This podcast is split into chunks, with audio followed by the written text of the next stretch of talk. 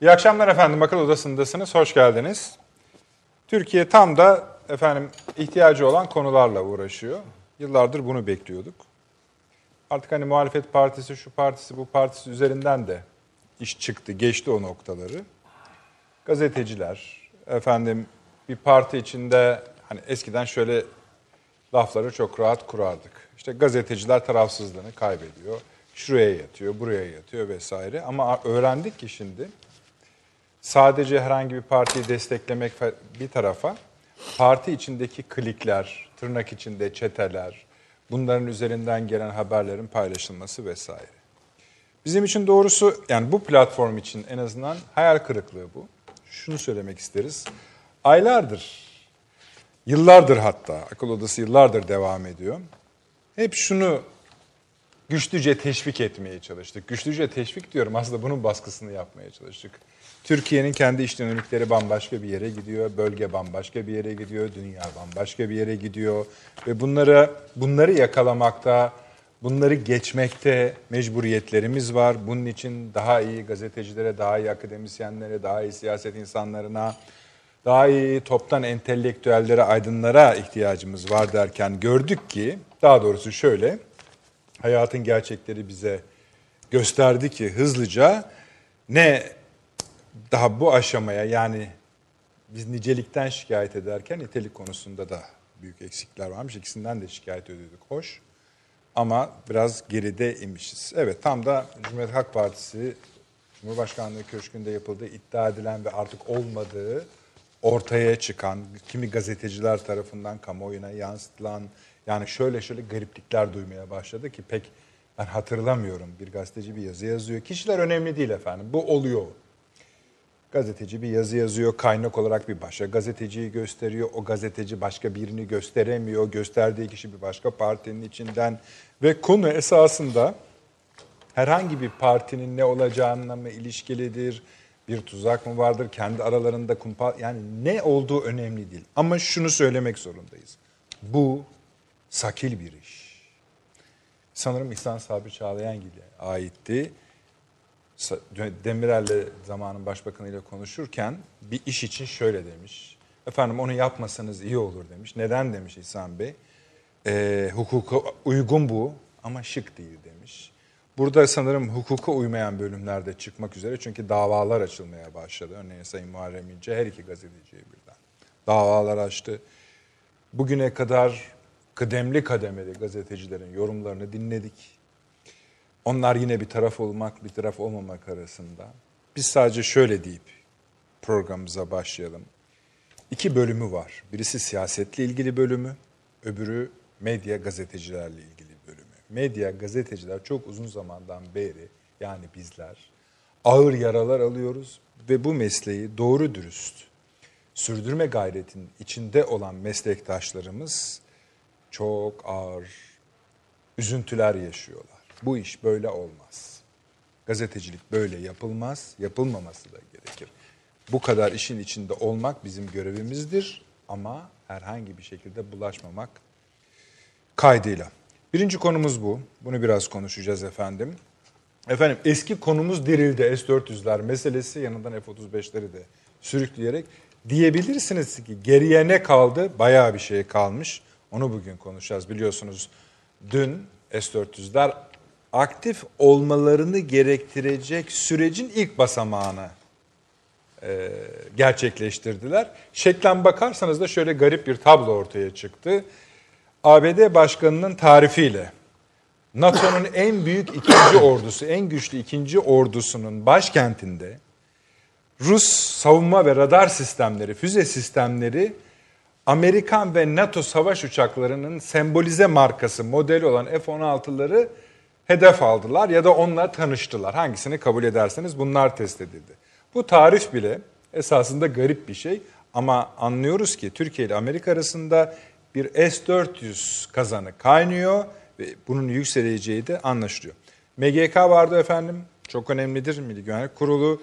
Biraz önce bitti. 4 saati biraz aşkın süre devam etti. Biraz sonra onun metni de önümüzde olacak. Başka konularımız da var elbette biliyorsunuz. NATO zirvesi yaklaşıyor, dörtlü zirve yaklaşıyor. Ee, Rusya Devlet Başkanı Putin Türkiye'ye geliyor. Cumhurbaşkanımızın Katar ziyareti ve onun körfezdeki yansımaları bizatihi o ziyaretin anlamı var. Hızlı gidelim Sayın Avni Özgüler. Burada Avni abi hoş geldiniz. Hoş bulduk. Yeni Birlik Gazetesi yazarı, doçent doktor Fahri Enen Hocam burada, İstinye Üniversitesi öğretim üyesi. Paşam hoş geldiniz. Profesör Doktor Süleyman Seyfi Öğün Hocam. Hem hoş geldiniz hem artık geçmiş olsun. Teşekkür ederim. Çünkü yani seyircilerimiz bir kısmını fark etti ama bir, bir ay aşmıştı değil mi? Ee, biraz uzun sürdü. Uzun süre. Peki geçmiş olsun. Avni abi yani bak abicim şöyle söyleyeyim. Bir elin parmaklarını aşmıyor sizin kıdeminizdeki gazeteci sayısı Türkiye'de. Saysak beşi bulur muyuz ben emin değilim. Yani 50 yıla yakın, yarım yüzyıla yakın meslek kıdemi. Ee, bu işlere ne demek lazımdır? Allah diyecek şimdi. Allah demek lazım yani. Söylenecek çok fazla bir şey yok. Şunu herhalde düşünüyorum. Yani dünyanın her tarafında, yani İngiltere'de filan da böyle e, bulvar gazeteleri diye bir branş var. E, daha böyle spekülatör, skandallara dayalı filan haberlerle götürüyorlar işi. Ama bir de bu mesleği ciddiye alıp habercilik gayretiyle yapanlar var. Hem basın organları hem gazeteciler olarak var, yazarlar olarak var falan. Türkiye'de yaşanana bakıyorsunuz. Türkiye'nin ana muhalefet partisi yani son yaşanan hadisede yani teorik olarak iktidar alternatifi olan partinin işte genel başkanı diyor ki Türkiye'nin yeni bir amiral gemisi var. Eskiden hürriyetti hani amiral gemisi. Şimdi başka bir amiral gemisi var diyor. O amiral gemisinin baş yazarı. Söyleyebiliriz abi Sözcü Gazetesi. Ya tabii işte Sözcü Gazetesi. Onun baş yazarı. Efendim. Rahmet Uran.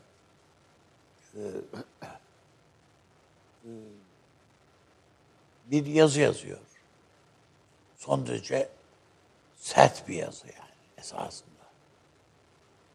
Yani yenilir yutulur cinsten bir şey değil. Türkiye'nin Cumhurbaşkanı'nın ana muhalefetin lider e, genel başkanlık katını tanzim etmek e, üzere birisiyle görüştüğü o partinin içinden, Cumhuriyet Halk Partisi'nin içinden birisiyle görüştüğünü yazıyor.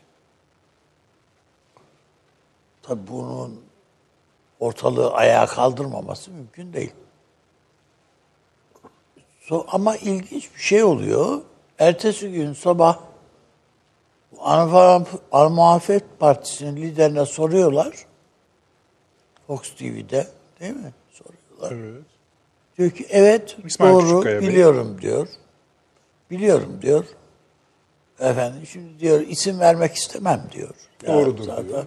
Doğrudur diyor. Bu saray diyor para da dağıtıyor Cumhuriyet Halk Partisi'nin içine.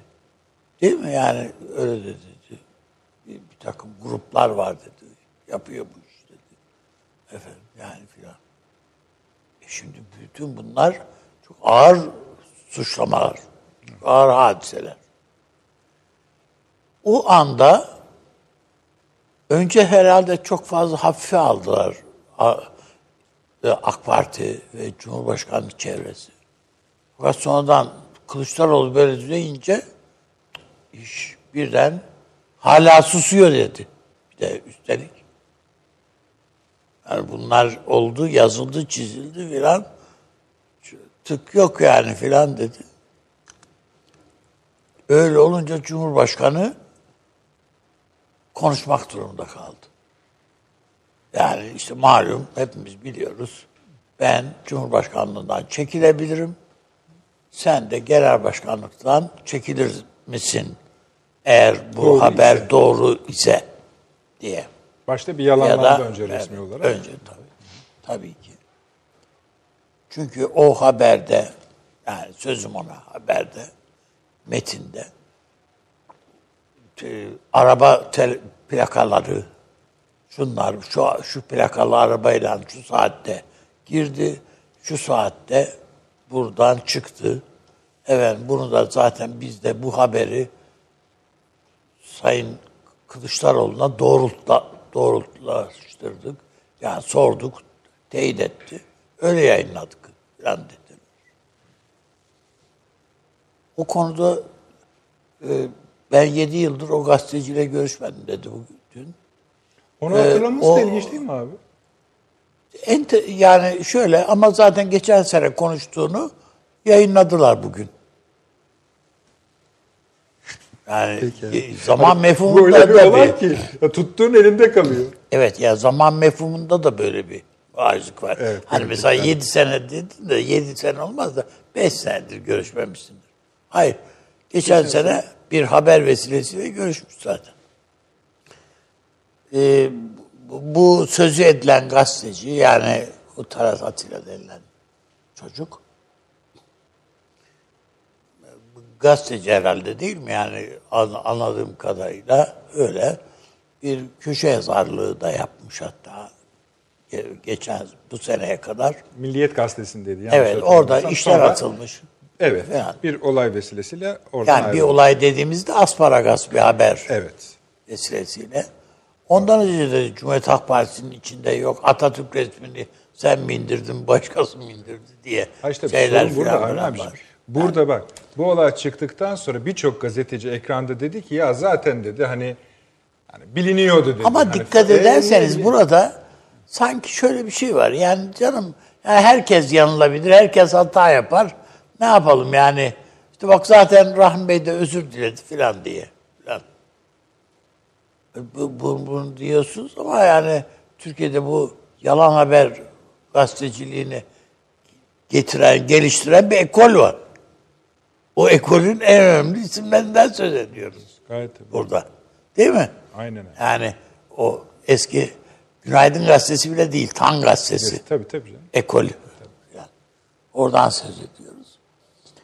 Ee, yani bunu zaten Türkiye'nin ana muhalefet partisinin lideri amiral diye bulduğu buysa yani ötesine. Ama neyse ki bugün amirallerin konuşmamış, eski amiralle konuşmuş ama o anlaşılıyor filan. Bakıldığında yani işte Muharrem İnce'nin konuşması bir başka bir şey Ee, zaten Sayın Cumhurbaşkanı da dedi yani bizim istihbaratçı falan özel olarak bir şey yapmamıza gerek yok. Zaten Muharrem Bey anlatıyor dedi. Part- Partide ne olduğunu falan dedi. Yani Cumhuriyet Halk Partisi'nin içerisinde bir fırtınanın koptuğu e, çok iyi anlaşılıyor. Cumhuriyet Halk Partisi eskiden beri iç tartışmalarıyla bilinen bir partidir. Yani eskiden de bu partinin içinde sürekli hizipler, klikler, bazı şeyler olurdu. Ama mesele bu şekilde, bu düzeyde olmuyor idi. Değil mi yani? O Önder Savlar'ın filan yakın Tabii, tabii zamanda. Eskiden e, işte Bülent Ecevit'in, Kamil Kırıkoğlu'nun filan yani e, Haluk Ülman'ın şunu bunun olduğu bir dönemi düşünün. Yani onların da tartışmaları vardı. E, onlar da yani Turan Feyzoğlu'yla e, Bülent Ecevit kapıştılar mapıştılar falan ama yani bunların hepsi belli bir düzey. E, Bu başka bir şey bugün o önümüzde olan. Bunu bir siyasi tartışma olmaktan öte bir e, kör dövüşü. Yani herkes Anladınız mı tam ne yere- yapıl mesela eğer bu başarısaydı Olay şu. ne yapılmak istenmekteyi? Ona gelelim. Onu söyleyeyim ve hocalarımıza bırakalım. Şimdi kardeşim Cumhuriyet Halk Partisi bir taraftan da hepimiz hatırlayalım ki e, son bir aydır Türkiye'de giderek erken seçim söylemi tırmandırılıyor. Bunu bir tarafa koyalım yani. Erken seçim dediğiniz yani Cumhurbaşkanı seçimi Evet. işi tırmandırılıyor. Bu erken seçim veyahut da Cumhurbaşkanlığı meselesinde Cumhuriyet Halk Partisi'nin bir yerlere söz verdiği anlaşılıyor. Ne demek efendim bu? Yani diyelim ki Abdullah Gül'e mesela Sayın Mesela 11. Cumhurbaşkanımıza evet söz verildiği anlaşılıyor. Geçen sefer bu İyi Parti dolayısıyla e, gerçekleşmemişti o çatı adaylığı. Dolayısıyla Muharrem İnce'ye kaldıydı bu iş. Önümüzdeki dönemde fire vermeden bu işi yapalım. E bu da çok öyle 2023'e kadar beklemek de istemiyorlar. Erken seçimle eğer bunu yaparsak iyi olur. Fakat bu arada Muharrem İnce çıkıp ben tekrar Cumhurbaşkanı adayıyım dedi. Peki abi Sayın Adam kazanacağından değil. neden saymıyorsunuz? Ha? Peki, Mesela İmamoğlu'nu neden saymıyorsunuz? İşte şöyle yani e, aday göstermeyecek partisi. Her taraf edildi ama. Yani o ta, seni talep etmen yetmiyor. Yani ya 20 milletvekili seni önerecek ya da 100 bin imza koyacaksın. Her hal ve karda bu kazanamayabilirsin. Kazan, muhtemelen kazanmayabilirsin. Ama bir başkasının kazanmasını da önleyebilecek bir adam. Bir adaydan söz ediyoruz. Muharrem İnce öyle birisi. Yani Cumhuriyet Halk Partisi öncülüğündeki Millet İttifakı'nın belirleyeceği çatı adaya adaydan rahatsız olacak olan CHP'liler, HDP'liler, işte İyi Partililerin filan veya Saadet Partililerin her kimse bunların itirazlarından kaynaklanacak şeyi bir araya getirecek bir e, onların oylarına talip bir Muharrem İnce. Bu e, Cumhuriyet Halk Partisi'nin veyahut da bu çatı ittifakının seçimi kaybetmesi demek. Abi çok tatlı bir yerdesin ama kesmek zorundayım. Yine senden devam edeceğiz. MGK bildirisi geldi. 7 maddelik, 4 saat sürmüş idi imza bugün itibariyle. Evet, bir, ülkemizin güvenliğini yakından ilgilendiren önemli iç ve dış gelişmeler ele alınarak milli birlik ve beraberliğimiz ile bekamızı tehdit eden PKK, PYD, YPG, DAEŞ ve FETÖ başta olmak üzere bütün terör örgütlerine karşı yurt içinde ve yurt dışında azim ve kararlılıkla sürdürülen mücadele hakkında kurula bilgi sunulmuş, başarıyla icra edilmekte olan hareket ve operasyonlar detaylı şekilde görüşülmüştür. 2. Güney sınırlarımız boyunca ortaya çıkan ve milli güvenliğimizi doğrudan tehdit eden terörü kaynağında yok etmek ve yerlerinden edilmiş Suriyelilerin evlerine ve topraklarına dönüşleri için uygun şartları sağlamak maksadıyla Birleşmiş Milletler Güvenlik Konseyi kararları ile Adana Mutabakatı ve Meşru Müdafaa Hakkı çerçevesinde icra edilen barış harekatı her vesileyle değerlendirilmiştir. 3. Pardon bir bölümü daha varmış 2'nin. Bende diyelim. Bölgede barış ve istikrar ortamının tesis edilmesi sürecine katkıda bulunan harekatın amacına ulaşana kadar ulaşılana kadar sürdürüleceği ve sivillerin zarar görmemesi için her türlü tedbirin alınmakta olduğu vurgulanmıştır. Evet burada hani bu devam edecek vurgusu var. Bu önemli. 3. Suriye'de güvenli bölgenin tesisi amacıyla imzalanan mutabakatın, mutabakatların tarafı ülkelerden Terrifat ve Münbiç bölgelere dahil başlattıkları teröristten arındırma çalışmalarının bir an önce tamamlanmasının beklendiği ifade edilmiştir. 4. Uluslararası toplum, Suriyeli kardeşlerimizin gönüllü ve güvenli bir şekilde dini ve etnik hiçbir ayrıma uğramaksızın evlerine ve topraklarına dönerek en kısa sürede huzur ve refaha kavuşmalarını amaçlayan Türkiye'yi desteklemeye davet edilmiştir. 5. Terörle mücadelede hiçbir yük ve sorumluluktan kaçmayan Türkiye'nin DAEŞ terör örgütüyle mücadeleyi ilkeli ve kararlı şekilde yürüttüğü, her türlü işbirliğine hazır olduğu bir kez daha beyan edilmiştir. 6. Kıbrıs ve Doğu Akdeniz başta olmak üzere dönem içerisinde ortaya çıkan bölgesel ve küresel meseleler ele alınmış, gerçekleştirilen dış temaslar hakkında kurula bilgi sunulmuştur. 7. 1915 olayları hakkında tarihi ve hukuki dayanaktan mahrum ve asılsız iddiaları esas alan kararlar şiddetle kınanmış, hakikatleri gün yüzüne çıkarmanın vaktinin geldiği uluslararası toplumun dikkatine getirilmiştir. Kamuoyunun bilgisine saygıyla sunulur. MGK 26 Kasım 2019 tarihli efendim basın açıklamasıdır. 7 maddeden oluşuyor. 2 maddesi standarttır. Diğerlerini biraz sonra değerlendireceğiz ama Avni abi tam kaldığınız yerden lütfen devam edin ki şöyle diyordunuz. Muharrem Evet, Bey. Cumhurbaşkanlığı. Çatal'da- Evet. Yani Türkiye'de önümüzdeki seçimin hesaplaşması erkene aldı, erkene çekildi.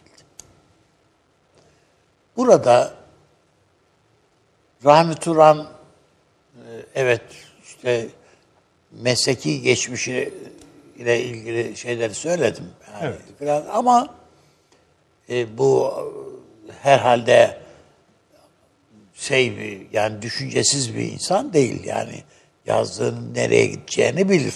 Tabii. Bunca sene yani hiçbir şey olmasa onu öğrenmiş olması icap eder. E, dolayısıyla bunun e, bir baş yazarı bir de. O amiralin baş yazarı. Yani am- amiral gemisinin amirali. Evet, amiral gemisinin Yani amiral. yayın yönetmenleri için Evet. söylenir. Tamam ama baş Ha, yazarlıkta bu yani artık ha yani baş yazarı. Dolayısıyla yazdığı yazının gazetesini ilzam ettiğini, e, bu, bunun Türkiye siyasetinde hangi puzzle'da nereye oturacağını o şeyi e, parçanın onu, onu bilir yani bilmemesi mümkün değil. Dolayısıyla ya ne yapalım işte bu da bir yol kazası yani. Öyle dedi. Kusura bakmayın pardon Tabii onu trafik kazası gibi değerlendirelim. bu, bu- böyle dedi. Böyle bir şey olabilir mi yani? Şimdi şurada ağzımızdan çıkacak her sözden Gayet tabii. Sorumluyuz değil mi? Elbette. Ee, Türkiye'de daha çok yakın bir zamanda bir gazeteci arkadaşımız, bir televizyoncu, yani siz daha her, çok yayın yapıyorsunuz, e, farkındasınızdır olayın.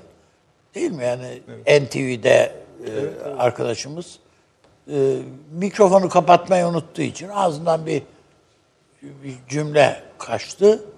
Adamın meslek hayatı bitti yani. Öyle mi? Evet emekli Ha, oldu. Demek ki yani bu iş öyle ya bir kaza oldu ne yapalım pardon. Yani normal akışın içinde edilmiş bir sözden dolayı değil. Mikrofon kapalıyken ettiği.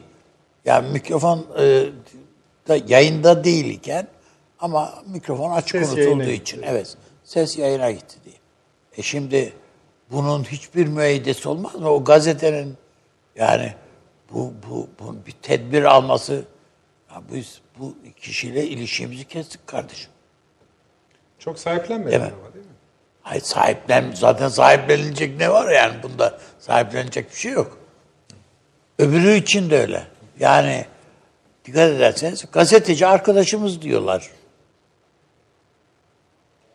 Değil mi o Talat Atilla için? Evet evet.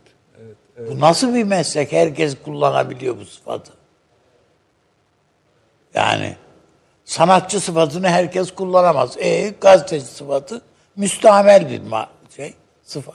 Herkes kullanır. Böyle bir şey olabilir mi? Yani bu, bunun gibi yani e, burada e, Sayın Kılıçdaroğlu'nun e, bir tek şeyi bunun e, önceden haber verildiği. Ne? Ben düşünüyorum açıkçası. Kemal Kılıçdaroğlu'nun önceden bildiğini düşünüyor. Bildiğini düşünüyorum. Çünkü ertesi sabah yemeden içmeden şeye efendim televizyona gidip konuşma yapmanın ba- başka bir şey olamaz yani. Ha şu bizim adam hani falan. Kaç sene önce ben yedi sene önce kimle görüştüm ben hatırlamıyorum. Hafıza da iyi demek ki yani hatırlıyor bak. Yani gerçi yanlış hatırlıyor. Daha daha sonra da görüşmüş ama yani Olsun. çünkü kendisiyle ilgili de var. Yani bu biliyorsunuz Kemal Kılıçdaroğlu'nun yazlık evinin satışı haberlerini filan tazminatı Tayyip Bey'e tazminatı ödemek için yazlık evini filan sattığı haberlerini filan da bu çocuk yazmış. Yine. Dolayısıyla o vesilelerle filan da konuşmuş olabilir zaten. Yani o onları falan şey yapalım. Yani bu, bunları hatırlamaması icap eder insan falan en azından. Ama e, önümüzdeki tablo e, şimdi Muharrem İnce'yi genel başkanlığa aday olmaya mecbur bırakmaya itek şey yapacaklar. Zorlayacaklar. Yani orada kaybedecek Muharrem İnce. Hiç bundan yana şüphe yok. Daha şimdiye kadar Türkiye'nin siyasi tarihinde e, seçim kurultay kazanmış, kongre kazanmış bir tek adam var. O da Bülent Ecevit. Onun da şartları zaten. Çok, çok özel şartlar. Yani o da hakikaten çukura itildi İsmet İnönü. Yani biz 90 yaşında artık yani e, mücadele edecek halde değildi. Yoksa edecek yaş, eski hali olsa o, o da dümdüz eder. Çünkü siyasi partiler kanunumuza göre hiçbir genel başkan kaybedemez. Mevcut siyasi partiler kanununa göre. Yazılmayan maddesi budur. Evet, yani hiçbir siyasi parti genel başkan kaybedemez. Tele- yani şuradan maille il seçim kuruluna maille bir mail geçer genel başkan imzasıyla tamam? İl teşkilatını feshettim. Bitti. A kişisini görevlendirdim. Bitti. O A kişisi gider, mührü alır, gelir ile oturur, delegeleri feshettim der, bitti. Ben yeni liste budur der. Senin sen adam bağır çağır yani hukuk şu budur, işte demokrasiydi, şuydu buydu diye. Bunu yapılmadı mı? Yapıldı. Bütün partiler yapıyorlar bunları. İl teşkilatları nasıl feshediliyor? Ha, dolayısıyla yani burada Muharrem İnce'nin en küçük bir şansı bile yok zaten. Yerle bir olacak yani aday olursa. E tabi genel başkan adaylığında kaybetmiş bir kişinin Cumhurbaşkanlığı adaylığında ne kadar taraftar toplayabileceği yani aday olmayı başaracağı, başarıp başaramayacağı bile şey olur. Onun için tabii yani iki gündür fazlaca konuşuyor zaten Muharrem İnce'de. Tekrar acaba hevese gelir de bazı şeyleri ben diyor kurultayda açıklayacağım. Kurultay evet. dediğin Bugüne Nisan kadar ayı. söylemediklerimi söyleyeceğim artık. Tamam ama Nisan ayına kadar. Kim öle kim kala kardeşim. Yani Türkiye'de 24 saatin içinde neler, Neler oluyor oldu işte. yani. Şimdi Ha, oldu işte yani. yani. Onun için şey değil. Yani bir şey varsa bir eteğinde bir taşarsa sıcağına. söyleyeceksin. Oldu oldu olmadı olmadı. Ayrıca başkaca hesaplar varsa bunları da anlatacaksın. Cumhuriyet Halk Partisi'nin problemlerinin temelinde yani bildiğimiz mesela geleneksel, Atatürkçü, e, laiklik e, inancına Laik. hassasiyetiyle bağ, hassasiyetle bağlı filan bir kitle vardır. Yani eski genel sekreterleri filan biliriz, tanırız. Aynen öyle. Filan. Ee, eskiden yetkiliydiler. Genel Cumhuriyet Halk Partisi'ni yönetenler genel sekreterlerdi. Aynen öyle. Güçlü genel sekreter. Evet, e, model bunun üstüne dayalıdır. Ee, ama Kılıçdaroğlu bunu iptal etti. Yok. Yani Sayın Baykal döneminde de genel sekreter önemliydi. Açıkçası. Yani Cumhuriyet Halk Partisi teşkilatını genel sekreter yönetirdi filan. Dolayısıyla yani şimdi böyle bir şey yok. Genel Başkan Yardımcıları için birilerini getiriyor e, Sayın Kılıçdaroğlu. Ben şimdi is- çoğunun ismini bilmiyorum. Belki siz biliyorsunuzdur. Ve gazeteciyim ve ilgiliyim de CHP ile. Ama ben bütün genel başkan yardımcılarını bilmem. Bilmiyorum. Birkaç tanesi hariç. E, bazısını alıyor getiriyor. Mesela Musul Evet, konsolosu falan gibi. Onlar kendilerini partinin genel başkanı zannettiler. Sonra kendilerinin o koltuğa daha fazla yakışacağını düşündüler. Düşündüler. Meydan okudular. Olmayınca dışarı çıktılar. Ayrı parti kuranlar oldu. O hukukçu falan filan değil mi? Yani o şeyler filan. e, Ayman Güler filan Evet. e, filan onlar filan. Yani bunların hepsine bir geliyor. Genel başkan yardımcılığı veriliyor. Sonra onlarla ters düşülüyor filan. Bir itiş kakış. Atatürk'ün resmini mi indirdin? Sen mi indirdin? Ben mi indirdim? Kavgası mavgası. Onu sonra atı veriyorlar partiden. Hiç hesabını soran da yok. Bugün- niye geldi, niye gitti bu filan diye sayan bökerler filan. Onlar da sessiz biliyorsun. E, tabii ayrıyeten mesela bazısı ben pişman oldum efendim af talep ediyorum diyor. Geliyor tekrar. Yine geliyor. Kanatlarını açıyorlar alıyorlar filan. Ama gen- Yani- genel çizdiğiniz çerçeve şunu söylüyor. Önümüzdeki seçimlerin her ne zamansa onun hesaplaşmasının erken başladığının hesaplaşmanın da o çekirdeğinde gerçi şimdi ismi çok fazla öyle gündemde değil ama burada belirleyici iki isim var. Bunlardan bir tanesi Sayın Abdullah Gül. Onun ismi etrafında bu şey sürdürülebilecek mi? İki, e, evet e, parti önemli tabiatıyla şey ama eğer demokratik sisteme yani demokratik sistem diyorum pardon parlamenter sisteme bir dönüş vaadi var ise ve dönüşülecekse e, o zaman herhalde bu e, Ekrem İmamoğlu falan da yani e, ordu durduğu yerde durmayacaktır diye hiç şüphe yok ona. Ona o yüzden yani bütün bu hesaplar çünkü yani doğasına seçim- aykırı. Şey de bozulmuştur tabii Sayın Kılıçdaroğlu. Kahraman diye bir kitap yazıldı. Evet evet. Ya seçimi ben kazandım diyor. Öbürü de diyor zaten ben kazandırdım sana diyor. Kılıçdaroğlu anlatmaya çalışıyor ki benim de payım var. diye. Yani bir parti genel başkanı için tabii çok kötü bir durumdur da. İşaretleri saydınız. Teşekkür ederiz. Bu tabii yani önümüzdeki dönemde bu mesele kapansa bile artık davalık da oluyor konu. Arka adımlarının geleceğini bize gösteriyor. Bu devam edecek. Süleyman Hocam buyurunuz. Vallahi tabii siyasi bir vodvil.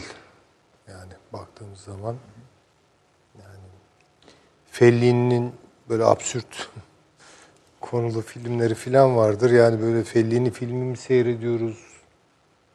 Yoksa bir başka ciddi anlayamadığımız bir mesele mi var daha derinlerde falan? İnsanın kendisinden şüphe ettiriyor. şüphe ettiren bir e, nasıl söyleyelim ona yüzeysellik, sığlık ya bu kelimeler bile artık biraz e, derinlikli kaçıyor. Yani bu Hocam insan diyor ki burada bir akıl var ama bizim bildiğimiz akıllardan akıl değil. değil. mi acaba? Yani hakikaten Başka böyle bir şey? Ha, çünkü e, akıl almaz şeyler. Yani Hocam, tabii rasyonel Avni Bey'in kurduğu çatı az buz çatı değil aslında. Yani bunun belli ki arkasında bir şey muhakkak Tabii, var. yani Muhakkak çatı var tabii ki Ama yani. Yani pratisyenler şey Evet yani bırak kaptırırsak vaudeville'in kendisine yani e, akıl sağlığımızı dahi Tabii, kaybedebiliriz. Ama zaten her hayat böyledir. Yani her irrasyonel şeyin dayandığı bir rasyonelite vardır. Bunlar birbirinden kopuk şeyler değildir. Yani bir şey saf akılcı ve onun tam karşıtında bir şey tamamen akıl dışı olamaz. Çok akılcı bulduğumuz şeylerin içinde akıl dışı şeyler çıkabilir karşımıza. tersi de olabilir. Akıl dışı şeylerin içinden de bir akıl gelebilir. Yani bunu e, bir kere kabul etmek, varsaymak durumundayız. E, şimdi tabii ben o vaudeville'in aktörleri şu- ha- kim ne söyledi, o, o nereye kadar doğru söyledi, öbürü ne kadar yanlış söyledi. Bu buraya girmek istemiyorum. E, bir kısmı bir- sabitlenmiş durumda. Hayır bir kere yani çok kalitesiz. Yani ortadaki figürler, bu işteki böyle başat rolleri götüren figürler çok kalitesiz. Şimdi ben şunun sorunun cevabının verilmesini istiyorum doğrusu. Tan gazetesini yeni nesiller hatırlamaz. Hatırlamaz. Hatırlamaz. Tan gazetesi Türk basın tarihinin herhalde en iğrenç ürünüdür. Bu en iğrenç ürünü yani her gün bilinçli yalan söyleyen, yalan haber yazan ve yazdığı yalan haberi de yani bir şeyleri bozarak Türk toplumunun iyi kötü dayandığı bir takım bir şeyler var. Onları da böyle bozarak Evet. veren. Evet. Laletan yalanlar değil yani. Bu işin mimarı, mühendisi olan adam nasıl oluyor da bugün e, amiral gemisi olarak tanımlanan Sözcü gazetesinin baş yazarı sayılıyor ve muteber ve duayen gazeteci muamelesi görüyor. Bunu bir kere izah etsinler. Ben bunu anlamakta hakikaten çok zor. Yani zorluk şöyle çekiyorum. söyleyeyim, bağışlayınız. Tan gazetesine ilişkin bakimi davalar açılmış idi. Ee, bu davaları savunur, savunulurken e, bu Tan gazetesi zaten neyi dava ediyorsunuz hani? Evet evet işte tabii yani o kadar kepaze bir şey ya. Bulvar gazetesi falan bir şey değil Yani, yani. ö- örnek verme, vermeye bile u- burada utanırız. Tabii, utanırız. Tabii, utanılır yani. O, o öyle bir tablo. Nasıl oluyor? Aynı zamanda Ama amiral yaratıcı başlıkları vardı hakkı teslim. Yani, yani gül, Ama gülüyorduk. gül- evet, gül, gülünüyor. Gülünüyorduk ama yani bir tarafımızda da diyorduk ya ne oluyor bu bu kadar Doğru, ya doğru. buna kim dur diyecek ne zaman dur diyecekler falan gibi. Bunu senelerce soğukkanlılıkla götüren bir zat. Ve o diyor ki ben diyor işte duayen bir gazeteciyim. Çelebilik ka- makamını elde ettim basında falan gibi böyle oturuyor siyaset yazıyor. Yani kim bundan işkillenmiyor yani? Bu kadar ahlak yapılıyor bu memlekette ya. Mesela o gazetede yazan bir takım adamlar var yani bunlar mesela ahlaki bir takım hassasiyetler e, taşıdıklarını iddia eden değil mi? Mesela iktidarı ahlaksızlıkla suçlayan Suçlayan, evet. yazılar yazıyorlar.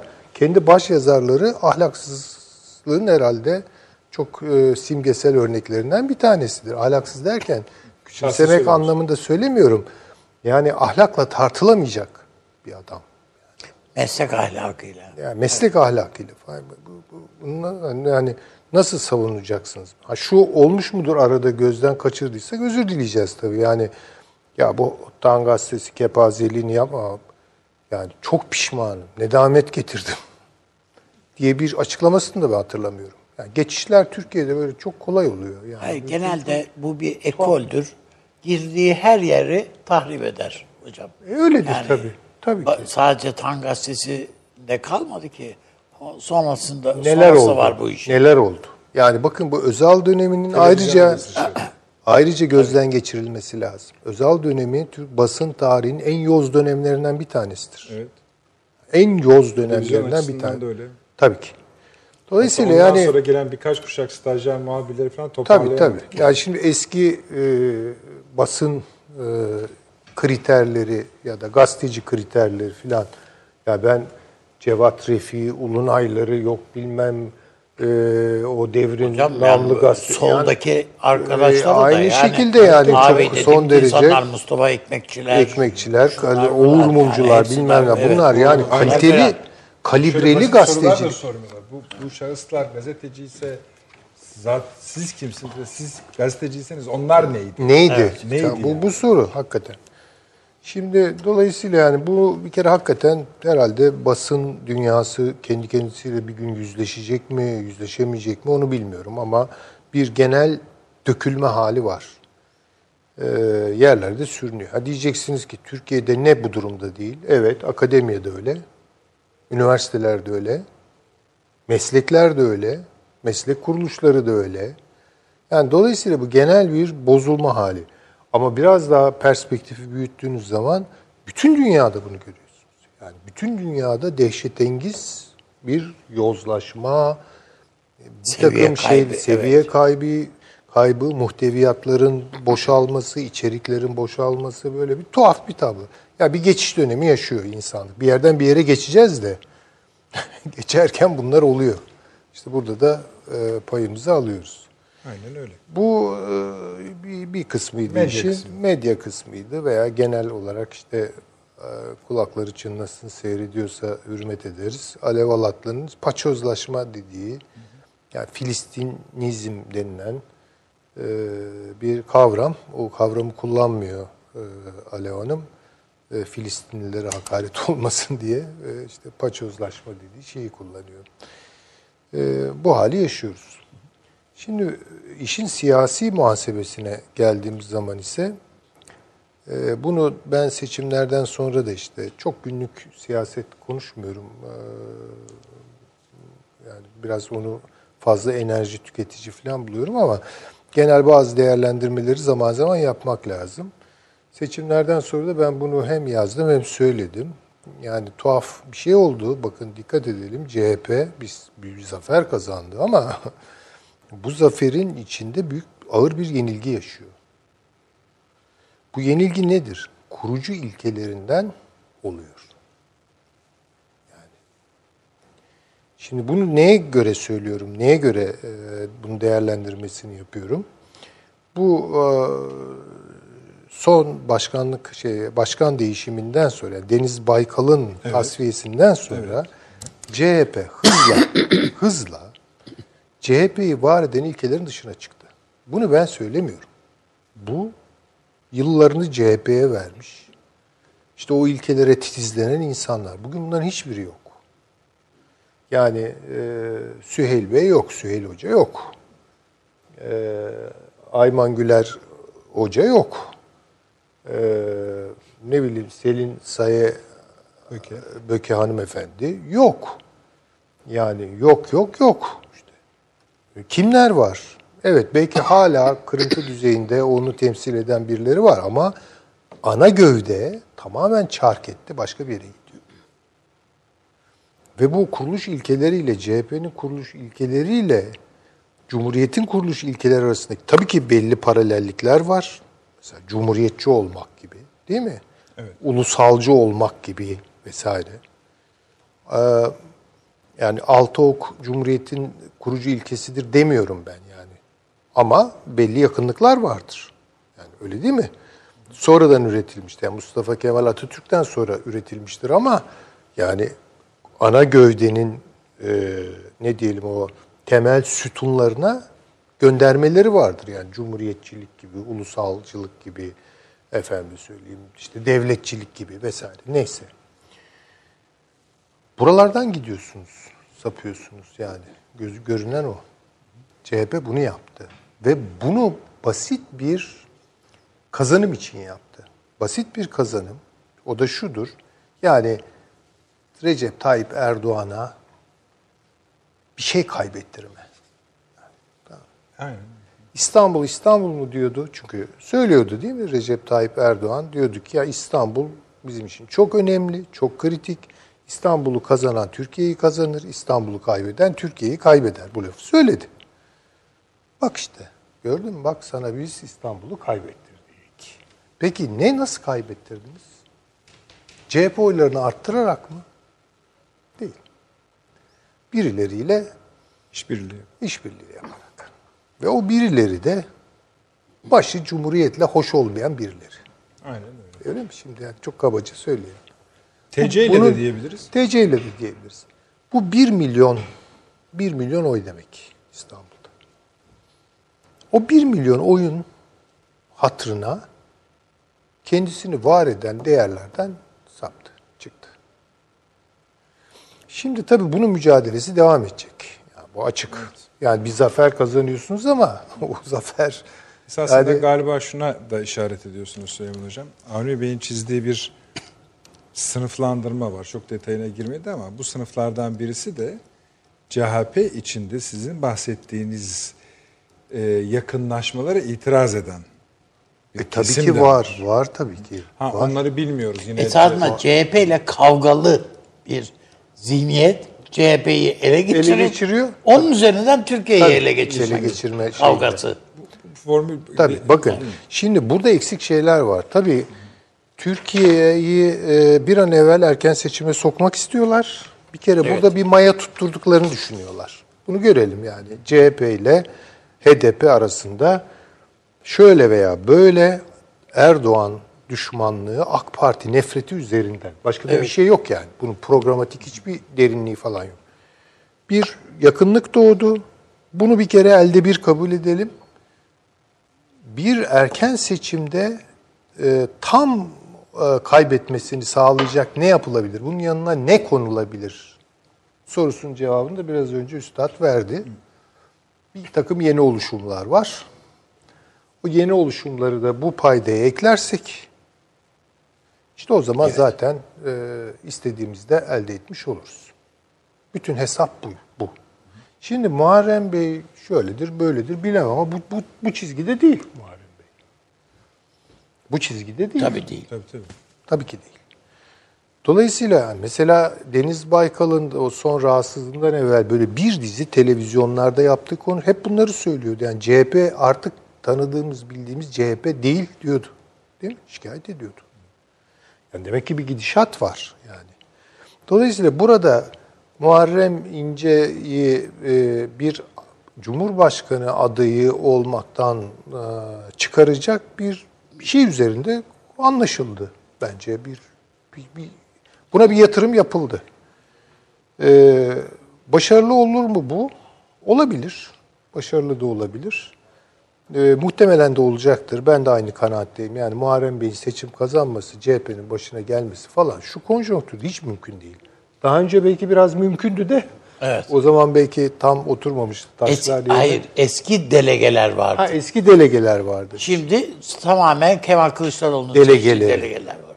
Ee, ben bir şey daha, bir ileri şey daha söyleyeyim. Ekrem Bey'in de hiç şansı yok.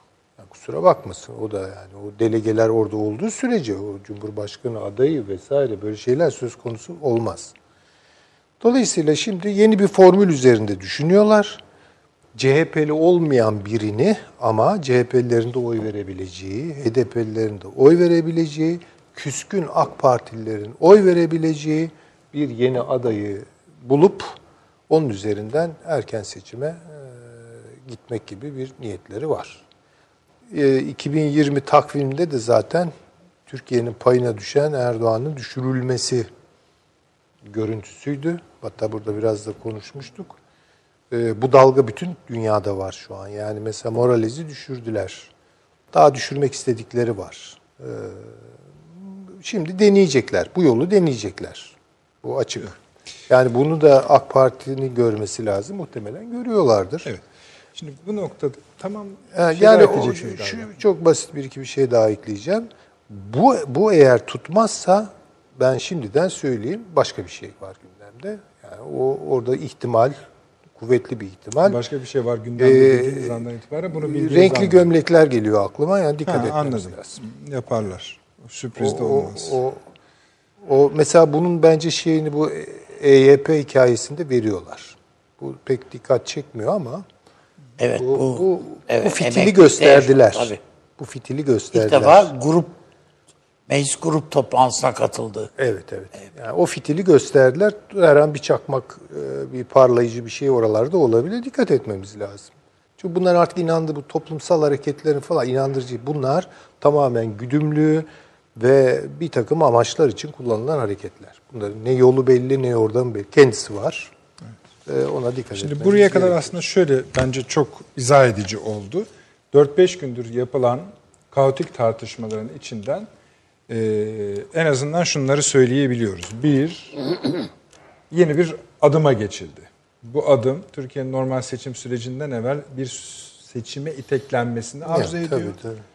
Bunu yaparken de uygun kişileri uygun koalisyonlarla hayata geçirmeye çalışıyor. Bunu engellemesi mümkün politik figürleri de bir takım oyunlarla diskalifiye etmeye çalışıyor. Şu sözü söylemek zorundayım. Aşağı yukarı öyle bir şey söylediniz Avni Bey. CHP, CHP yönetimini ele geçiren bir grup var. Bu Türkiye ile arası çok iyi olmayan Bir zi- zi- zihniyet. zihniyet var. Şimdi ben efendim daha önceki çok iyiydi. Türkiye'nin hayrınaydı filan. Demiyoruz. Ama geleneksel bir Evet. çizgi var idi. Var idi. Şimdi hala o söylemi biz devleti kuran partiyiz diyerek şey yaparak tepeye bunu asıp yani Altında. e, yukarıya siz ister istediğiniz kadar e, şey yapın yani başka bir laf yazın altına koyduğunuz şeyler Evet. onu Yani belirler. onun üzerinden de Türkiye'yi ele geçirme E tabii hikayesi. yani ve bunu sadece Türkiye meselesi değil bu yani. Bu Bölgeyi de- Türkiye'nin dışında Amerika'nın. Avrupa'nın hepsinin meselesi. Bu işler. Diyorsunuz. Peki. Paşam özellikle reklamların süresini arkadaşlarımız demin ikaz etmişlerdi. Onun için biraz daha konuyu hani teferruatlandırdım ki size rahat zaman kalsın diye. Bir reklamlara gidelim. Bol bol konuşacağız.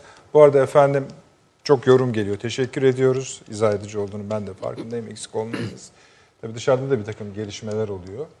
Ee, onları da biraz sonra konuşacağız. Reklamlardan sonra buradayız. 30 saniye reklam arası. Türkiye'nin tek haftalık haber dergisi Gerçek Hayat, gündemi yakından takip ettiği dosya ve röportajlarıyla her pazartesi okuyucusuyla satış bayilerinin raflarında buluşuyor. Gerçek Hayat artık sayfalardan dijitale taşıyor. Sayfalara sığmayan yazılar, röportajların perde arkası, interaktif içerikler. Gerçek hayat artık size daha yakın. Tüm içeriklerden ilk haberdar olmak istiyorum diyenler, Gerçek Hayat GZT'nin sosyal medya hesaplarına davet ediliyor. Reklam arası sona erdi. Evet efendim döndük. Akıl Odası iç politikanın labirentlerinde ilerlemeye devam ediyor. Bu arada tabii şöyle bir şey de paylaşalım şimdiden. Ee, diğer hani e, haberciliğimizi yapalım öyle söyleyelim. Şimdi Reuters haber ajansı bir haber geçti efendim. Biz e, reklamlara giderken reklamları da bu haberin teyidine ayırdık öyle söyleyelim. Mealen demekte ki Türkiye bazı NATO planlarını bloke etmektedir. Bu yeni bir şeydir. Bu planları bloke ediyor. Karşılığında da beklentisi de Suriye'deki harekatına daha çok destek sağlamak. Şimdi bu siyaseten bir baskı unsuru olarak söylemek bir başka bir şey. NATO'da bazı şeyleri bloke ederek söylemek tabii o ajansın söylediği bu. Süleyman Seyfi Hocam da dedi ki ya dedi bu dedi e, MGK bildirisini paylaştık ya efendim sizinle. Dördüncü madde, uluslararası toplum Suriyeli kardeşlerimizin gönüllü ve güvenli bir şekilde dini ve etnik hiçbir ayrıma uğramaksızın evlerine ve topraklarına dönerek en kısa sürede huzur ve refah kavuşmalarını, kavuşmalarını amaçlayan Türkiye'yi desteklemeye davet edilmişlerin pratikteki halidir. Pratikler. Demek ki böyle şey yapılıyor. Bu da iyidir. Ee, NATO'nun dahil olmasını istiyor zaten Türkiye değil mi yani? tabii. Daha evvel söyledi Hakem ama bu- çağrıldı. burada para e, para meselesi var. Yani burada bu mesajdan dörtten benim esas anladığım e, O. finansal. Yani bugün de e, yapılan konuşmalarda buna katkı sağlama, finansal anlamda katkı sağlama e, olayı var. Yani NATO bunu sağlaması zor. Bunu Birleşmiş Milletler'den e, bekliyorlar ama e, ben dörtten ziyade esasında e, ikinci maddede burada Onun e, şey evet. var. Yani ikinci maddede e, MGK şeyinin Evet. Taşansı Hoca'ya da o şey çünkü metin okumakta o kadar iyidir. Hayli iyidir. O da sizin dediğinizi demiş. Hatta şöyle demiş. E, birbirlerine iki giriş oluyor. Üç dört bağlı hepsi birbirine gözükmekte Evet, diyor. Sizin Evet. dediğiniz gibi. Evet. Yani, Lütfen devam e, evet. Yani burada e, ben önce bu e, konuda tabii değerli büyüklerimiz bu konuda gerekli açıklamaları yaptılar ama ben Tabii. e, Tabii, tabii, bunu lütfen, özellikle lütfen. yönetsel boyutta bakıyorum. Çok kötü bir kriz yönetimi. Yani burada bence bu haber yayınlandığı anda hem Cumhurbaşkanlığında beklemeden bir açıklama yapması, arkasından da Cumhuriyet Halk Partisi'nde bir açıklama yapmasının gerekli olduğunu düşünüyorum.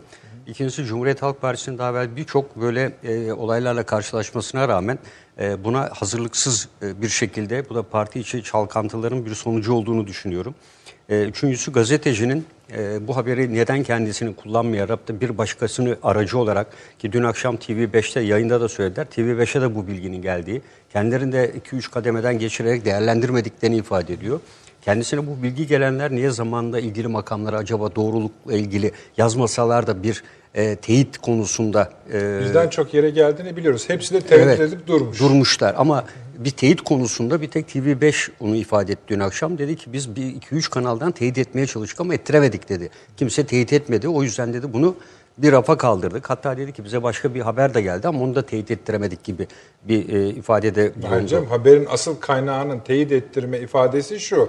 Bir şekilde Kemal Kılıçdaroğlu'na da teyit ettirdim. O bir şekil ne? Bu de- genel başkan yardımcılarından birisi. Ya, ya da bir tanıdık aracı Yani. mı acaba? Öyle mi? Onu mu anlıyoruz? Hayır, hayır, Ha. Yani genel başkan yardımcılarından birisi.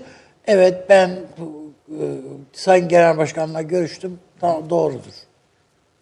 Peki. Yani dış zorlamalar olmaksın e, özellikle HDP'nin en son alacağı karar bence önemliydi. Yani HDP'nin işte 19 milletvekiliyle e, Halka gitmesi. halka gitmesinin hemen ötesinde e, bu olayın gerçekleşmesi. Yani o kararla e, bunun arasında belki bir bağlantı olabilir diye değerlendiriyorum. E, o karar e, eğer olsaydı belki bu süreç çünkü o da bir erken seçime zorlamanın bir vasıtası gibi olacaktı. E, onun hemen ötesinde bunun gerçekleşmesi e, bence e, başka bir arayışın e, sonucu olabilir. Yani HDP eğer e, bu sineği millete dönme ve halka dönme konusunda böyle bir karar almadı, vazgeçti. İşte mücadeleye meclis içinde devam edeceğiz diye bir karar alınca bu erken seçim şu anda e, rafa kalkmış görünüyor. Yani çünkü ne Cumhuriyet Halk Partisi tek başına ne diğeri böyle bir şey gerçekleştirme imkan ve ihtimali yok. Bu konuda Milliyetçi Hareket Partisi de kesin tavrını ortaya koydu. Yani seçim planlanan zamanda yapılacak dedi. E, çoğunu etkileyecek bir boyut olmadığına göre e, Türkiye'de olağanüstü bir durumun olması gerekir ki e, öyle bir seçim olsun. Bence yani şu anda erken seçimden ziyade parti içi dizayn çalışmalarının e, bir devamı olduğunu e, düşünüyorum.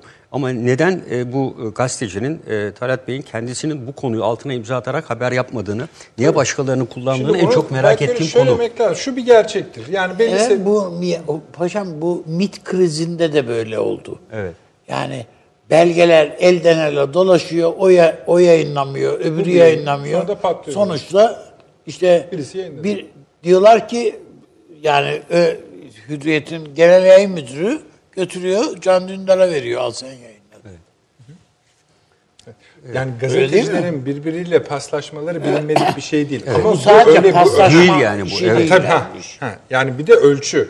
Yani şöyle bir şey diyemezsin ki hani ne bileyim Amerika, Amerika yarın sabah Rusya nükleer saldırıda bulunacak. Aa bu çok büyük haber. E, Süleyman Hoca'yı çok seviyorum. Ona öyle bir şey yok ki. ga- Evet, Yani evet. Yani e, bu tabii yani e, Amerika Birleşik Devletleri'nde esasında olanların bir şekli gibi. Yani orada pas, posturat dediğimiz yani e, siyasetin yalanı veya yalanın siyasallaştırılması gibi olayın da e, Türkiye'de bu şekilde e, giderek arttığını tabii gerçeklerin ne şekilde gerçeklerle bağdaşıp bağdaşmadığını süreç gösterecek. Yani bununla ilgili dediğim gibi değerlendirmeler yapıldığı için e, bekleyeceğiz. E, ancak mesela Yalova'da da benzeri şeyler var. Yani Yalova'nın belediye başkanıyla mesela Muharrem İnce arasında da e, bir takım sürtüşmelerin olduğu da e, ifade ediyor. E, ben tabii bu e, Milli Güvenlik Kurulu e, toplantısını... Evet. Evet öyle şöyle sırayla. Bir de şimdi bir izleyicimiz paylaşmış. Bu yedinci yani son maddenin son satırı. Okurken ben de şey yaptım da acaba ne kastedildi siz belki bir şey söylersiniz. Haki, 15 olaylarıyla ilgili. Hakikatleri gün yüzüne çıkarmanın vaktinin geldiği uluslararası toplumun dikkatine getirilmiştir. Yani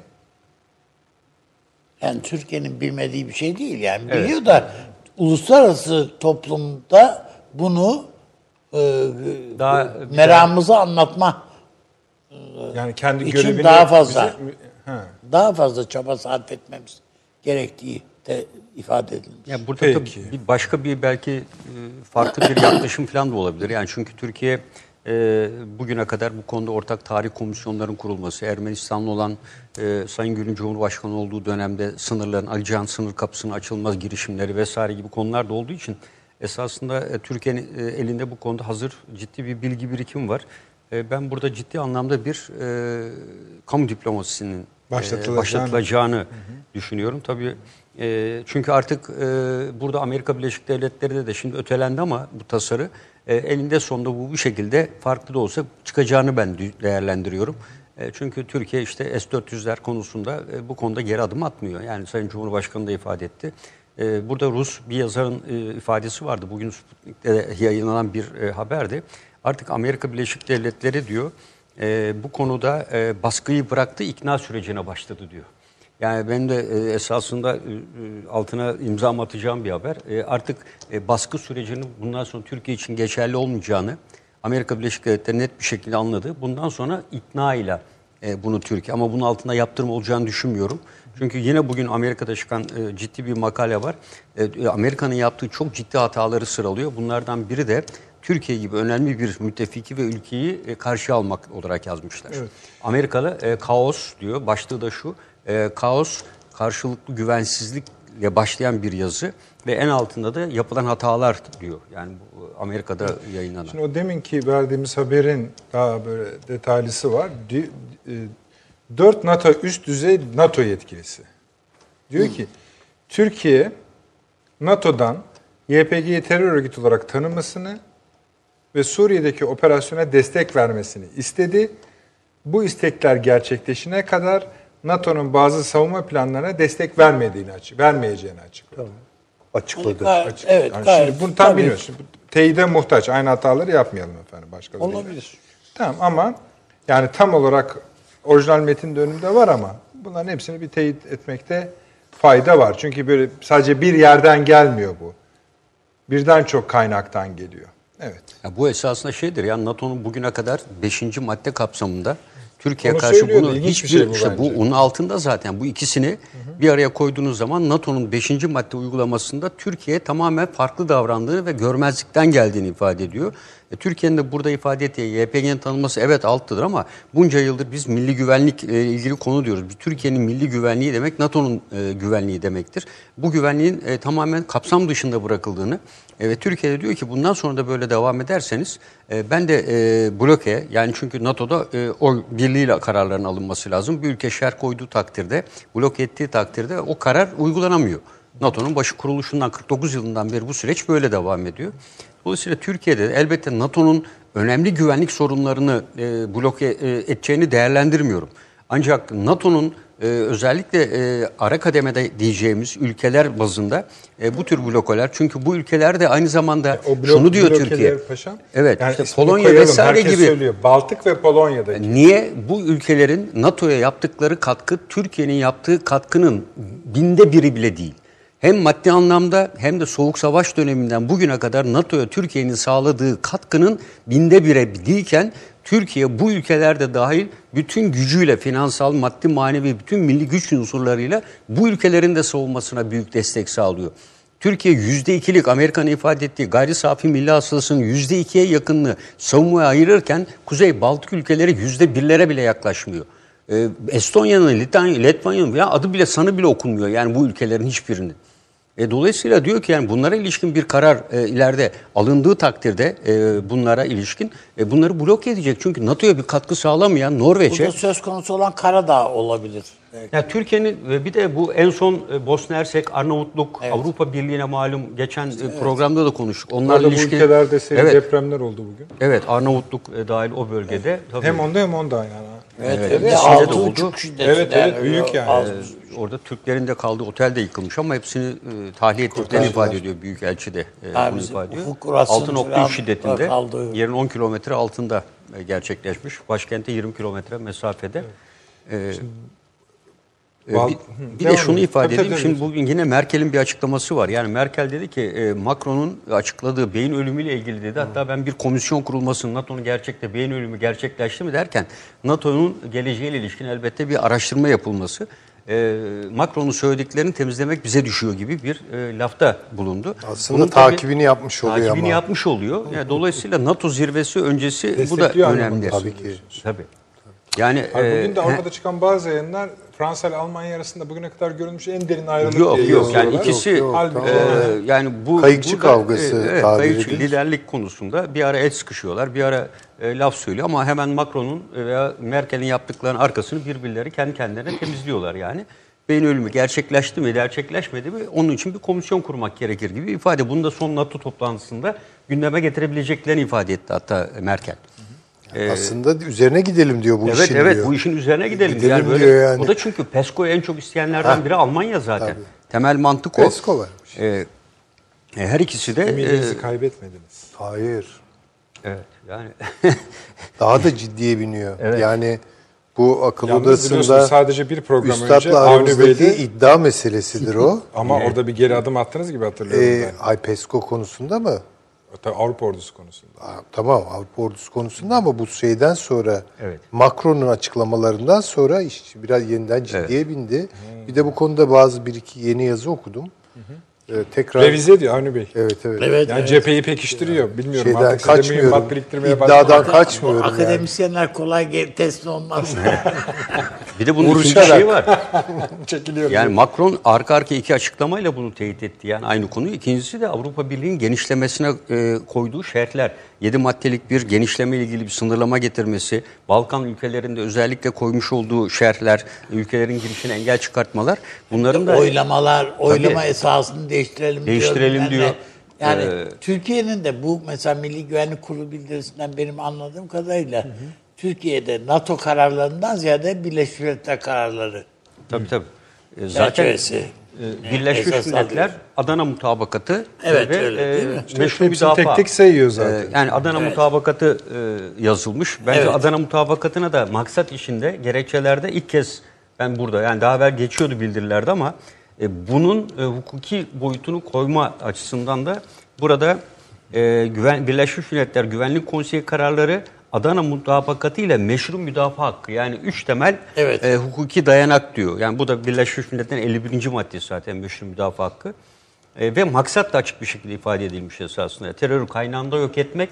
e, bu ikinci maddede esasında e, ikinci maddenin devamında harekatın amacına ulaşana kadarla da terörü kaynağında yok etmek e, bu birbiriyle eş anlamlı. Bugün biliyorsunuz Resul ayında yine son dakika bir 17 e, kişi hayatını kaybetti. Geçen Evet. gün Tel Abyad'da 4 e, hayatını kaybeden vardı bombalı saldırı. Yani şu şey bir, bir Evet. geri dönebilir miyiz? Ee, bu beşinci madde meselesi. Evet, beşinci- Şimdi Şunun için söylüyorum. Evet. Bu demin okuduğumuz NATO meselesi, NATO'nun planlarını bloke meselesi NATO'yu beşinci maddeyi hatırlatmak. Aslında dört de var da. Evet, Şeyde evet, esas. kullanılmıştı o.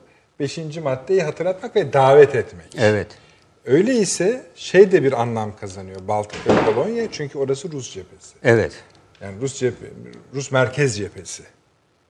Doğal olarak orada da bu. Yani bu ikisini kıyaslayarak gitmekte yani Türkiye'nin E orayı- onlar Rus merkez cephesi. Eğer Rusya'yı Türkiye'de e, katıldığı şeyde Türkiye'de en son yapılan NATO toplantısında bir numaralı tehdit olarak Rusya kabul edildi NATO'nun e, son toplantısında. Şu anda NATO'nun harekat planları yani kuruluş amacına uygun harekat planlarının tamamı Rusya'ya yönelik. Bunların hiçbirinde Çin'in e, en ufacık bir şeyi bile yok. Çünkü en yakın e, tehdit, en e, gerçekçi ve tedbir alınması gereken e, tehdit olarak çıkar. Ve dolayısıyla Baltık ülkeleri bunu söylüyorlar ama e, kendi ülkeleri duvarlar örüyor. O kadar ciddi kaynakları var ama NATO'ya yaptığı katkılar hem güç olarak hem maddi olarak Türkiye'nin diyoruz ya yarısı kadar diye bile değil. Türkiye burada gerçekten bir milli güvenlikle ilgili bir sorun yaşıyor. Bu NATO'nun güvenliği demektir. Ama gidip Baltık ülkelerine Rusya tehdidine karşı, Rusya'nın onlarla bir ilgisi yok. Rusya e, artık bölgesinde hakim olmak istiyor ve olacak da zaten. Bu yani başka evet. başka çaresi yok bunun. Avantajları da var. Avantajları var. E, dolayısıyla Norveç'in, Finlandiya'nın, İsveç'in, e, Danimarka'nın isteği buraya gelsin NATO el koysun. Buradaki kaynakları biz alıp paylaşalım. Rusya bunlara el koymasın. Yani doğalgazın neredeyse %20'sinden bahsediliyor bu bölgede çıkacak. Petrol aynı şekilde. E, bütün bunlar varken yeni açılacak deniz ticaret yollarına hakimiyet kurma. E, şimdi her geçen gün e, mod- silahlarını modernize etti. Burada çok modern hava savunma sistemleri kurdu Rusya. Ve dolayısıyla buraya NATO'nun 5. maddesini bu bölgeye mi? NATO'nun böyle bir kabiliyeti yok. NATO'nun e, soğuk bölgelerde mücadele edecek tek kuvveti varsa Norveç'in ve Finlandiya'nın askeridir. E, bir de Türkiye'nin doğu bölgesinde ama onlar eksi 60, 50, eksi 50 derecelere göre dizayn edilmemişler. Ama hep bu konuşmalar PESCO'nun böyle yanından yöresinden Evet. geçiyor yani. Evet, dolayısıyla- tutturu verir yani. E, dolayısıyla yani bu e, PESCO e, bu doğrultuda ağırlık kazanıyor. Yani bu ülkeler de Norveç falan gibi ülkeler ileride herhangi bir şekilde NATO'dan bekledikleri desteği göremez. Şimdi Norveç Safınızı, safınızı belirlediniz şu anda yani. Evet. Yani Norveç varlık fonundan ciddi bir şekilde bu duvar yapımına para harcıyor. E, bu varlık fonu dünyada en zengin olan ülke Norveç'ti. Rusya ile arasına duvar çekiyor. Yani duvarla Rusları durduracaklarını düşünüyor. Oradan kaçak geçen yok. E, göçme Türkiye gibi mülteci adam yola çıksa donar zaten yani o Hocam, bölgede. bisikletle geçmek serbest biliyorsunuz. Evet, evet.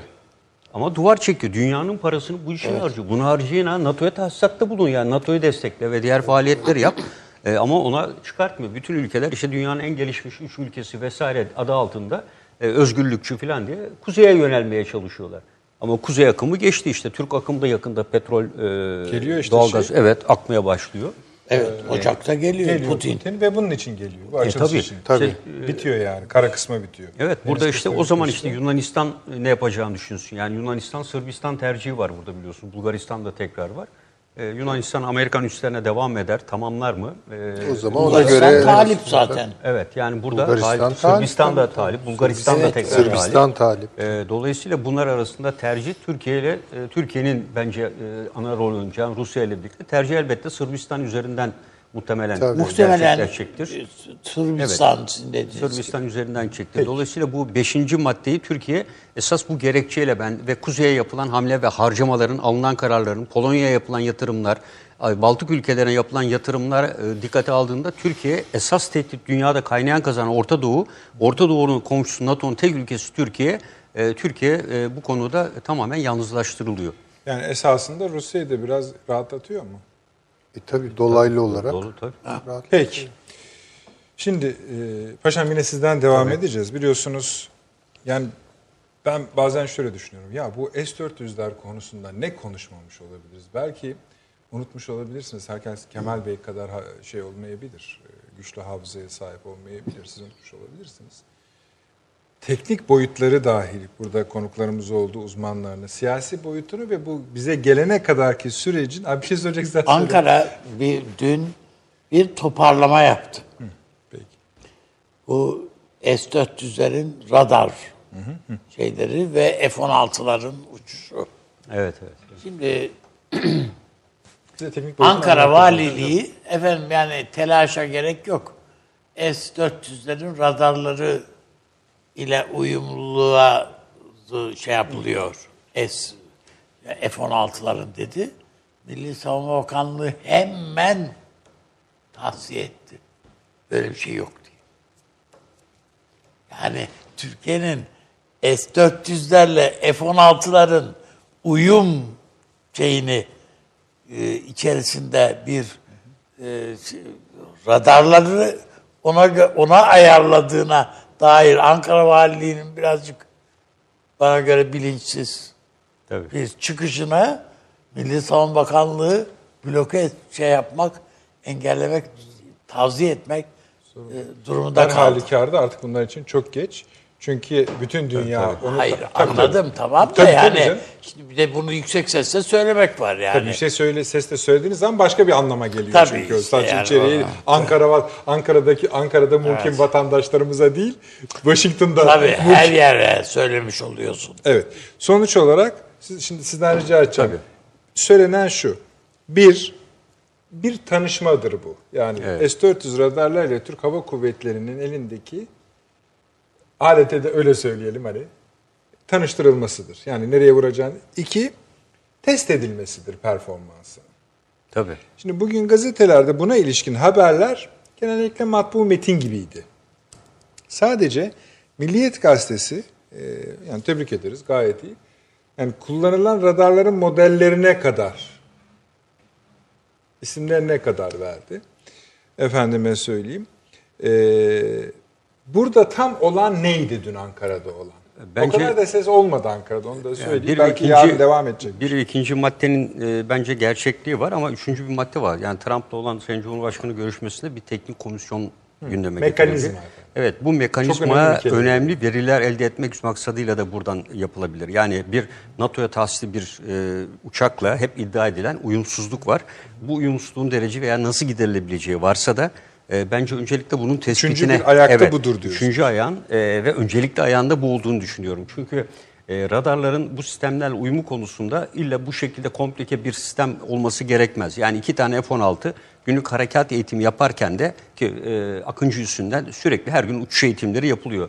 E, Bandırma'dan, Balıkesir'den gelen uçaklar var, diğer bölgelerden. E, bu eğitimler sırasında zaten radarla bunların iz takibi, e, bloke edilmesi, e, tespit edilmesi, silah sistemlerinin atış hale getirilmesi her zaman bir fırsat hedefi şeklinde çıkar. Yani bizde hava savunma şeylerinde hep uçan uçakların notamlaması yapılır. Şu anda işte havadan F-16 geçecek. Ona göre uçak savar silahlarıyla mühimmatsız olarak alarma geçilir, hedef takibi yapılır. Yani bunu zaten özgün olarak, ayrı olarak pek yapmasına pek ihtiyaç yok.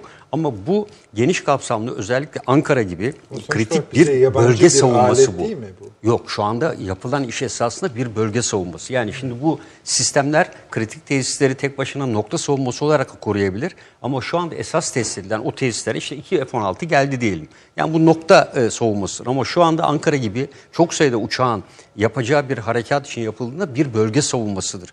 Bunun zaten ismi de bölge ve e, hava savunması. Yani hem bölgeyi hem de havadan gelecek tehditleri e, savunuyor. Bunların içinde yerden de gelebilir, füze sistemleri de gelebilir ama belli bir mesafenin altına gelenlere karşı da bu etkisi olmayacak. Örneğin yatay yoldan gelecek insan hava araçları gibi. Yani burada e, temel şeyin e, özellikle çok sayıda uçağın katılımıyla, Helikopterler. e, helikopterlerin katılımıyla, değişik silah araçlarıyla ve NATO'ya entegre olan, NATO yazılımları olanların katılımıyla bölge hava savunması kapsamında Ankara gibi bir merkezin ki Ankara'nın da böyle Başka. bir Evet bunun e, testidir e, bu tür. Bu belki ileride İstanbul merkezi de, ola, da yapılabilir. E, ve e, tü- önemli rafineriler ve benzeri bölgelerde de yapılır. Çünkü her birinin koruma olabilir. koruma teknikleri birbirinden farklıdır. E, ben e, belirttiğiniz iki maksadı, üçüncü maksat olarak o, Bunu onu ekliyorum. Çünkü diyorsunuz. eğitimler bitti O zaman- ve uzun süredir bunların e, simülasyonlarla ve diğer şeylerle zaten uygulamaları Tamam. yapılıyor. Bu teknik boyutu Evet. böyle. Üç parça halinde gördüğünüz. Bu- Ama bir de politik boyutu var. Evet. Şimdi bir süredir e, Amerika'dan bu S-400'lere ilişkin çok fazla sayıda ikaz uyarı bugün dahil, dün dahil. Hatta bugün dış Amerikan Dışişleri Bakanı. Yani bu S-400'lerin bir şekilde hal yolu halledilmesi, hal yolu da değil, hal edilmesi konusunda e, açıklamaları ikazı oldu. Hemen Dışişleri Bakanı mısın? Bugün bir açıklaması Evet. var değil mi? Kutuda saklamak için almadı. almadık. Savunma Bakanı'nın açıklamaları var. Hulusi Bey'in açıklamaları. O da aynı minvalde. Ee, ayrıca diyor ki Sayın Çavuşoğlu S-400'leri kurmayacağımız ya da kullanmayacağımız konusunda hiç kimseye bir taahhütümüz de yok. Vermedik öyle bir taahhüt. Diyor. Hani belki Amerika'daki görüşmeye atıfta bulunarak. Şimdi bir tazelenme var bu S-400 tartışmalarında. Ek olarak F-35'ler üzerinden de Rus Tabii, uçakları konusunda Akar- eş zamanlı olarak Savunma Bakanı parlıyor. açıkladı biliyorsun. Yani Savunma Bakanı, Evet, e, Savunma Bakanı Sayın Akar'ın açıklaması var. E, böyle oyalarsanız bu konuda Türkiye bir karar vermek zorunda. Yani başka seçenekler önümüzde var dedi. Yani bu konuda Türkiye Patriot alabileceğini Sayın Cumhurbaşkanı ifade etti. Ama e, burada kesin ifade Ama S-400'ler alınmıştır. Patriot değil burada Türkiye'nin a- savunma sistemi kaygısı. Yani uçaklar. F-35'leri bırakın kardeşim diyoruz. Ya, e, ama bence yani ikisi arasında dengelemeyi yaptığınız zaman e, Türkiye için F-35 elbette önemli. Ama S-400'ün e, gibi bir hava savunma sisteminin Türkiye açısından e, bence fayda maliyet analizi yaptığımızda bu aşamada en azından bizim idare edeceğimiz bir takım sistemler var ama S-400 Türkiye'ye geldiği andan itibaren diğer ülkelerin ben bakışlarının Yunanistan başta olmak üzere hepsinin değiştiğini e, ben düşünüyorum. Hele bunlar aktif hale gelirse mesela Ankara'da yapılan e, bu işte iki gündür uçuşlar işte S-400'e test ediliyor falan ben bunun Yunanistan'da olsun Doğu Akdeniz'de yansımalarının çok farklı olduğunu Tabii, ben tabii, tabii. düşünüyorum. Hepsi alarmı ve bunun ne maksatla yapıldığını, bütün istihbarat sistemlerinin esas bilgi unsurunun buraya yöneldiğini düşünüyorum.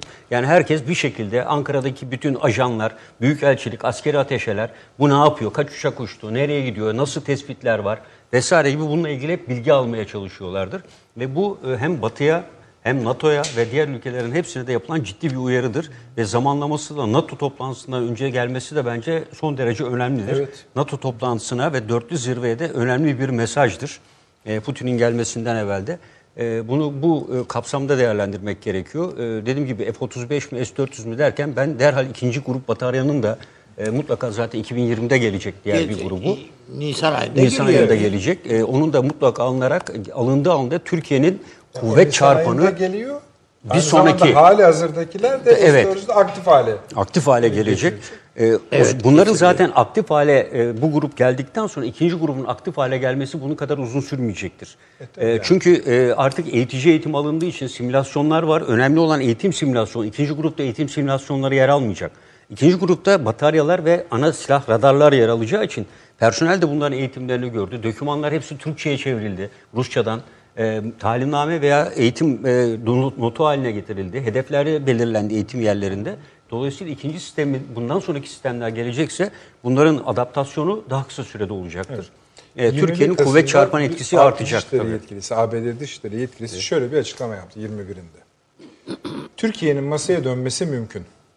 Bunun için S-400'leri imha etmeleri, iade etmeleri veya bir şekilde onlardan kurtulmaları gerektiğini biliyorlar diyor bize.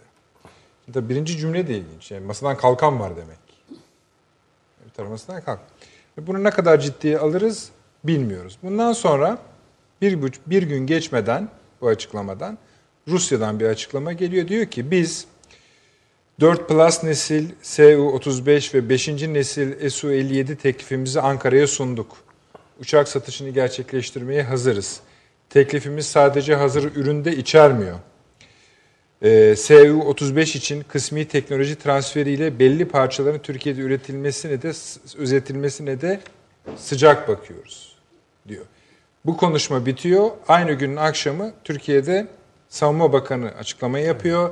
Zamanında Patriot almak istedik. Mümkün olmadı. Olmayınca S-400 aldık.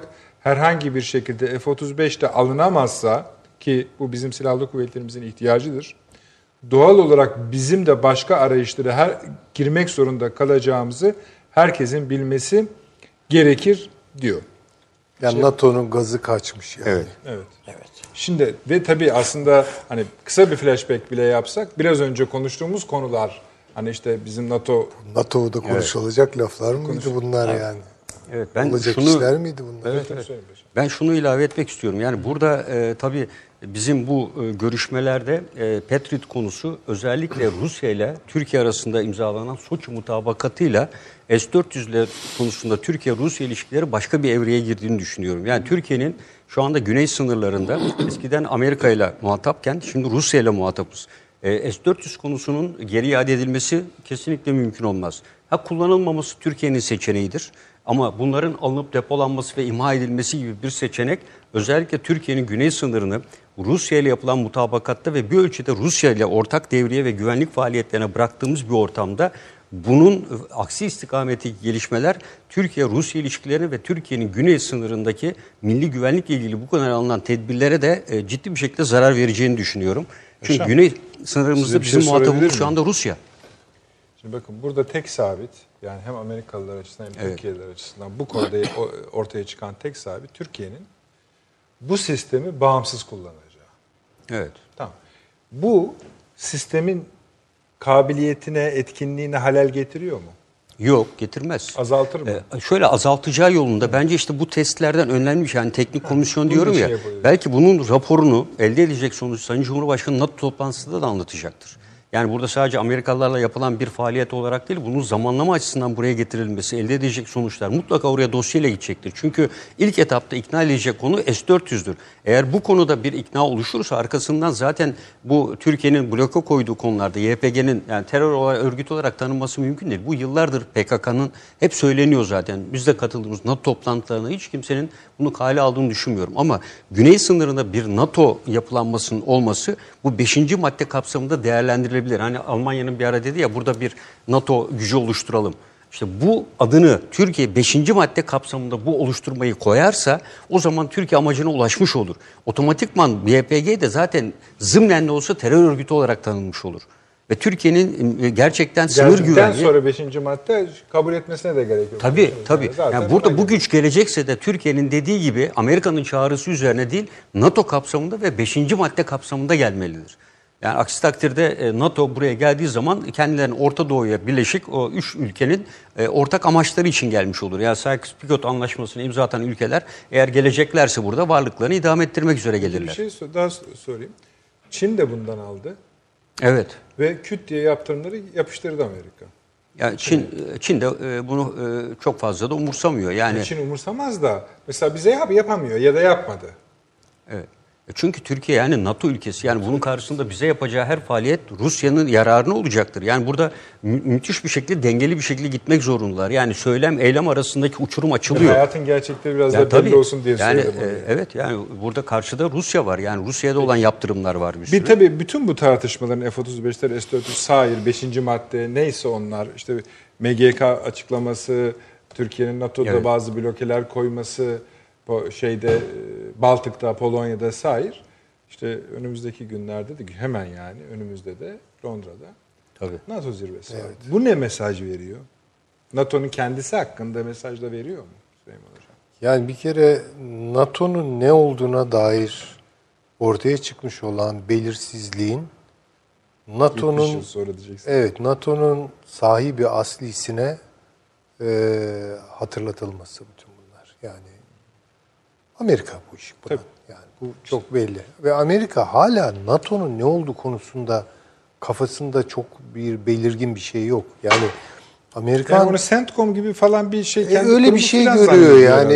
yani Zannediyor değil öyle. Öyle görüyor. Halbuki öyle de değil. Yani NATO'nun öyle hükümleri var ki bu demiyor Avni abi şimdi. NATO eşittir Hocam, ABD diyoruz. e, Nixon şeyin Canım öyle de ama- e, şeyin e, Kissinger'ın bir lafı var.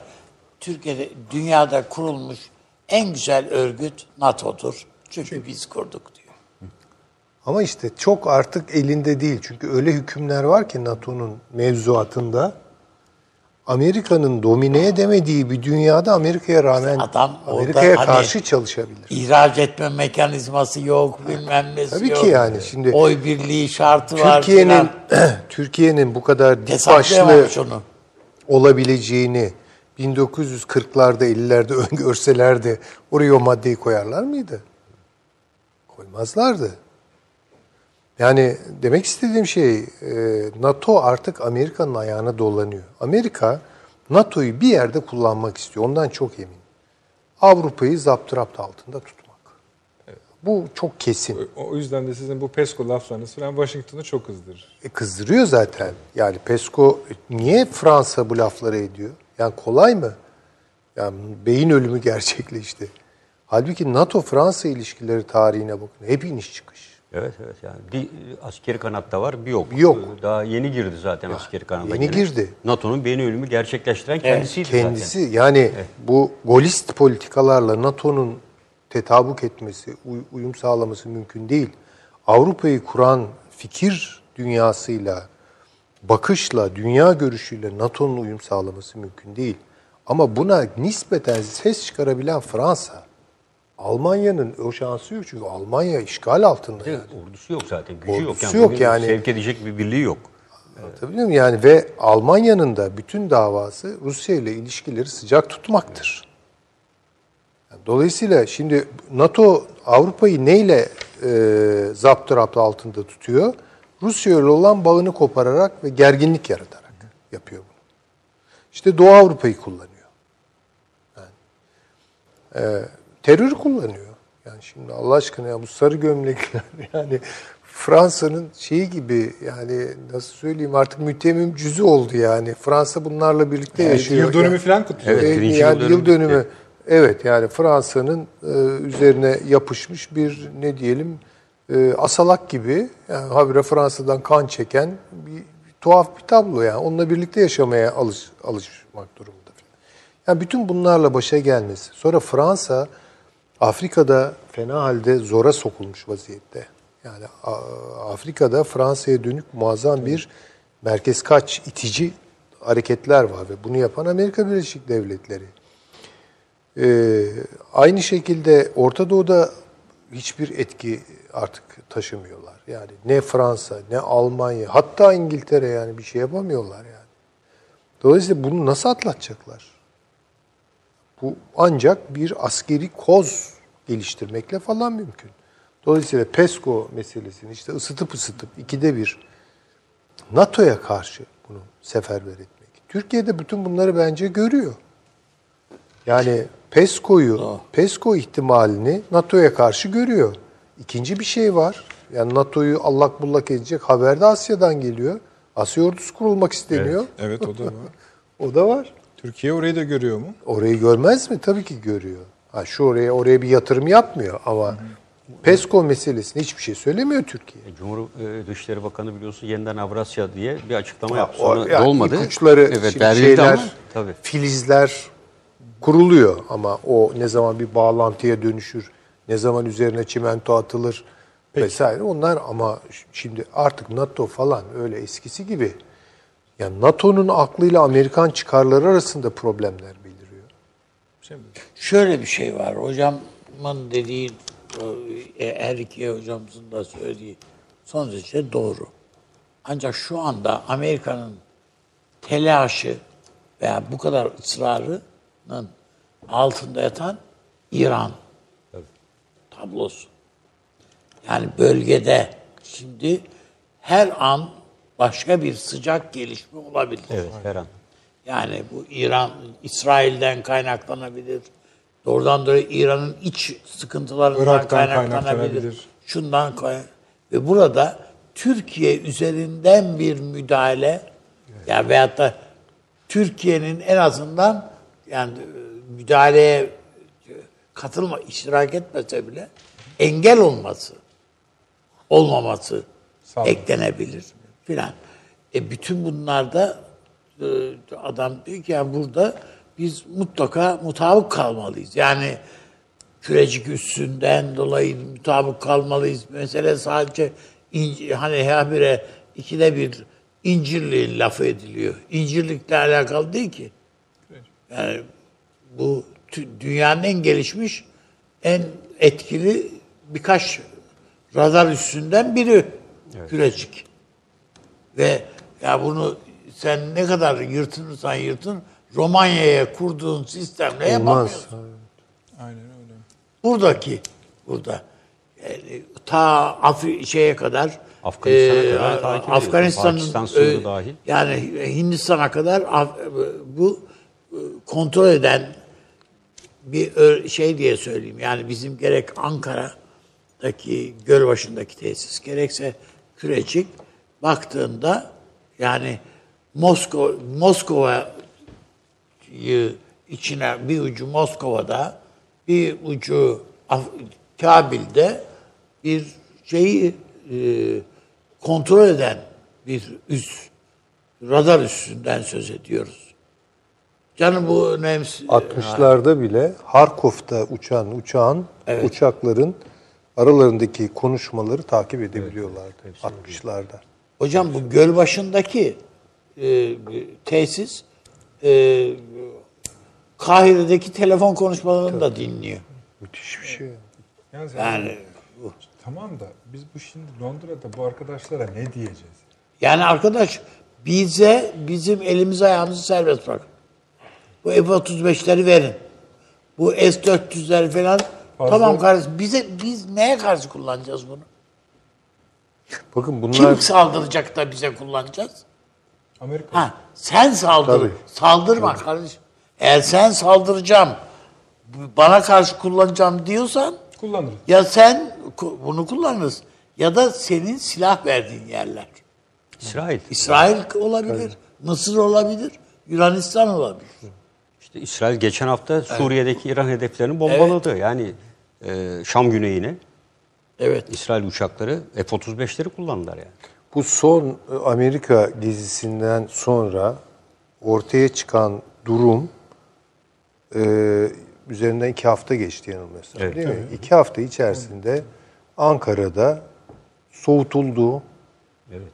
e, çok rahat bir şekilde e, gözden geçirildi ve Türkiye'nin avantajlı durumu ortaya çıktı. Hocam bu İran işi daha da avantajlı hale getirdi. Daha avantajlı hale getiriyor. Yani Türkiye gördü.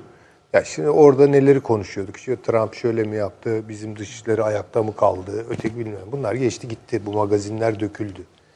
Şimdi düşünülüyor yani şu an bu tablo ne? Türkiye'ye ambargo uygulayabilir mi? Yaptırım yapabilir mi? S bilmem e, F-35'i vermese ne olur falan yani bakılıyor.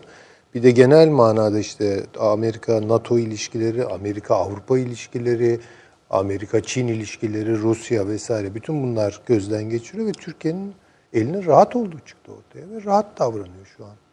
Londra'da da gayet rahat davranacak. Hayır, bu, Bunu göreceğiz. e, NATO'da bir konu Şöyle bir şey var hocam. Bir de şimdi e, Çin meselesi ile Türkiye'yi yan yana koymamak lazım bu S-400'ler. E, Veyahut da bu Rus uçakları konusunda.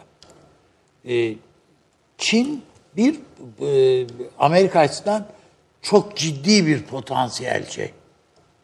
Yani orada ambargo koymakta haklı olabilir. Çünkü Amerika'nın savunma taahhüdü olan iki ülke var. Güney Kore ve Japonya. Öyle değil mi yani?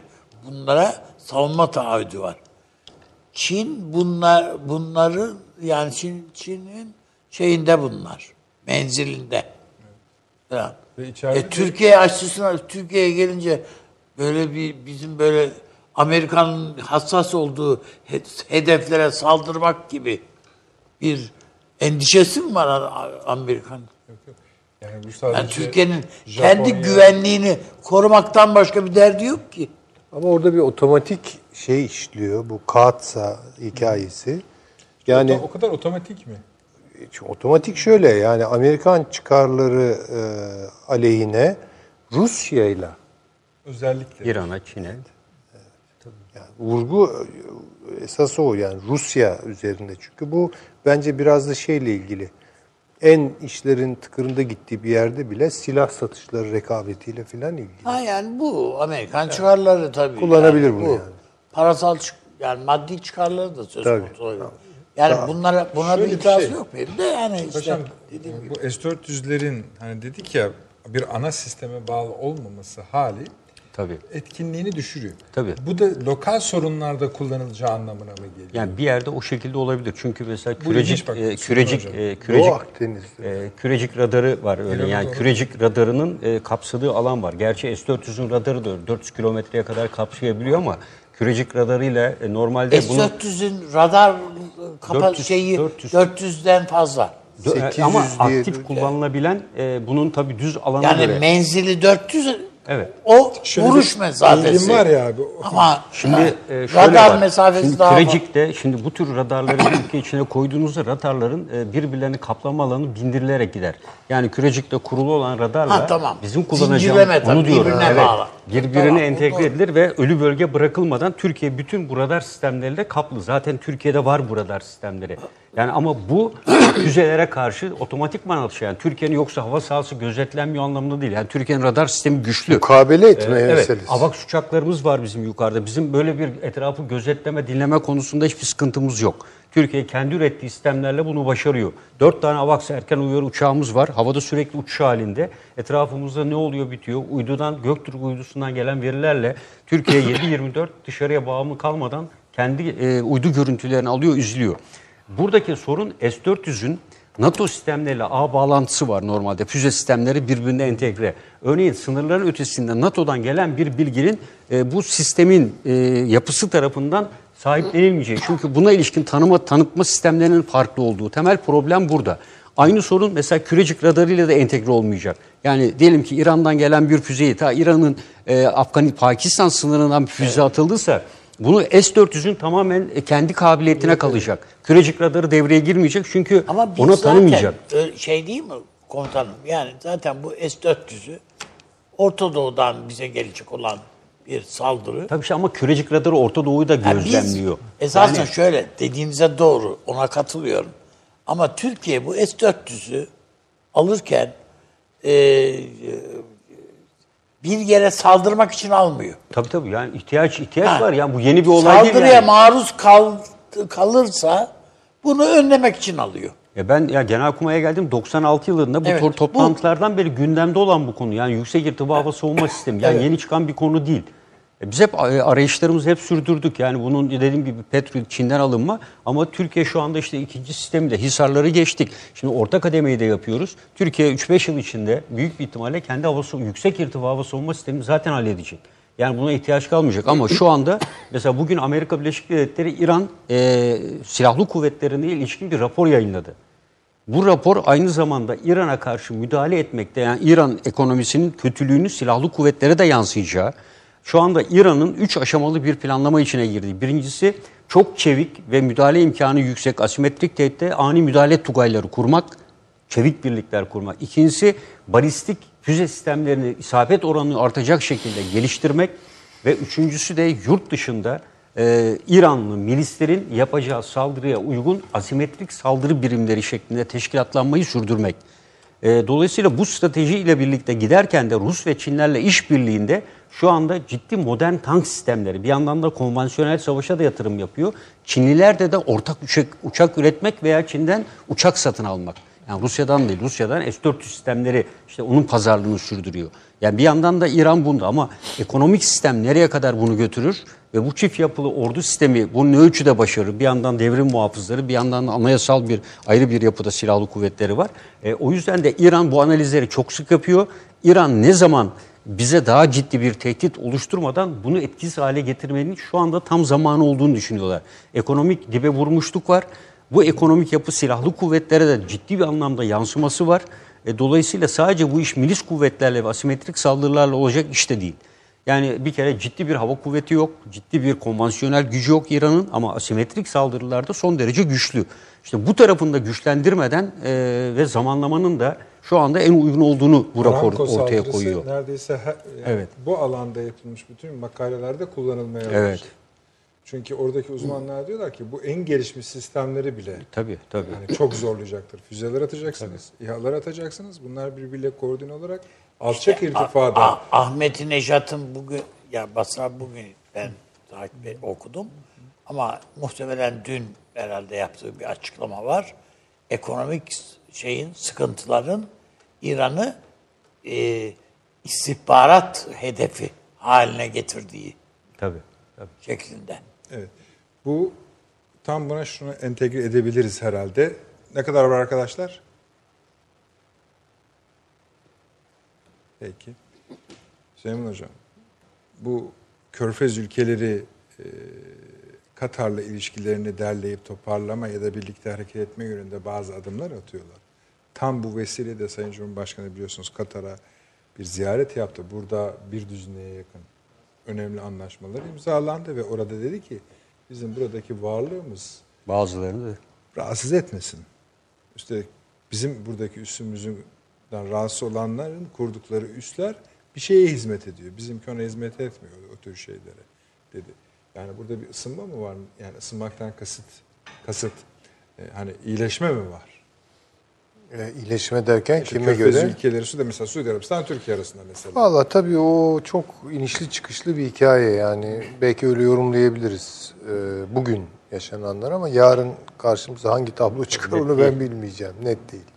Ama şunu Şeyi bilmiyorduk değil mi hocam? Suudi Arabistan'da bir İngiliz üssünün olduğunu bilmiyorduk. Bilmiyorduk tabii tabii.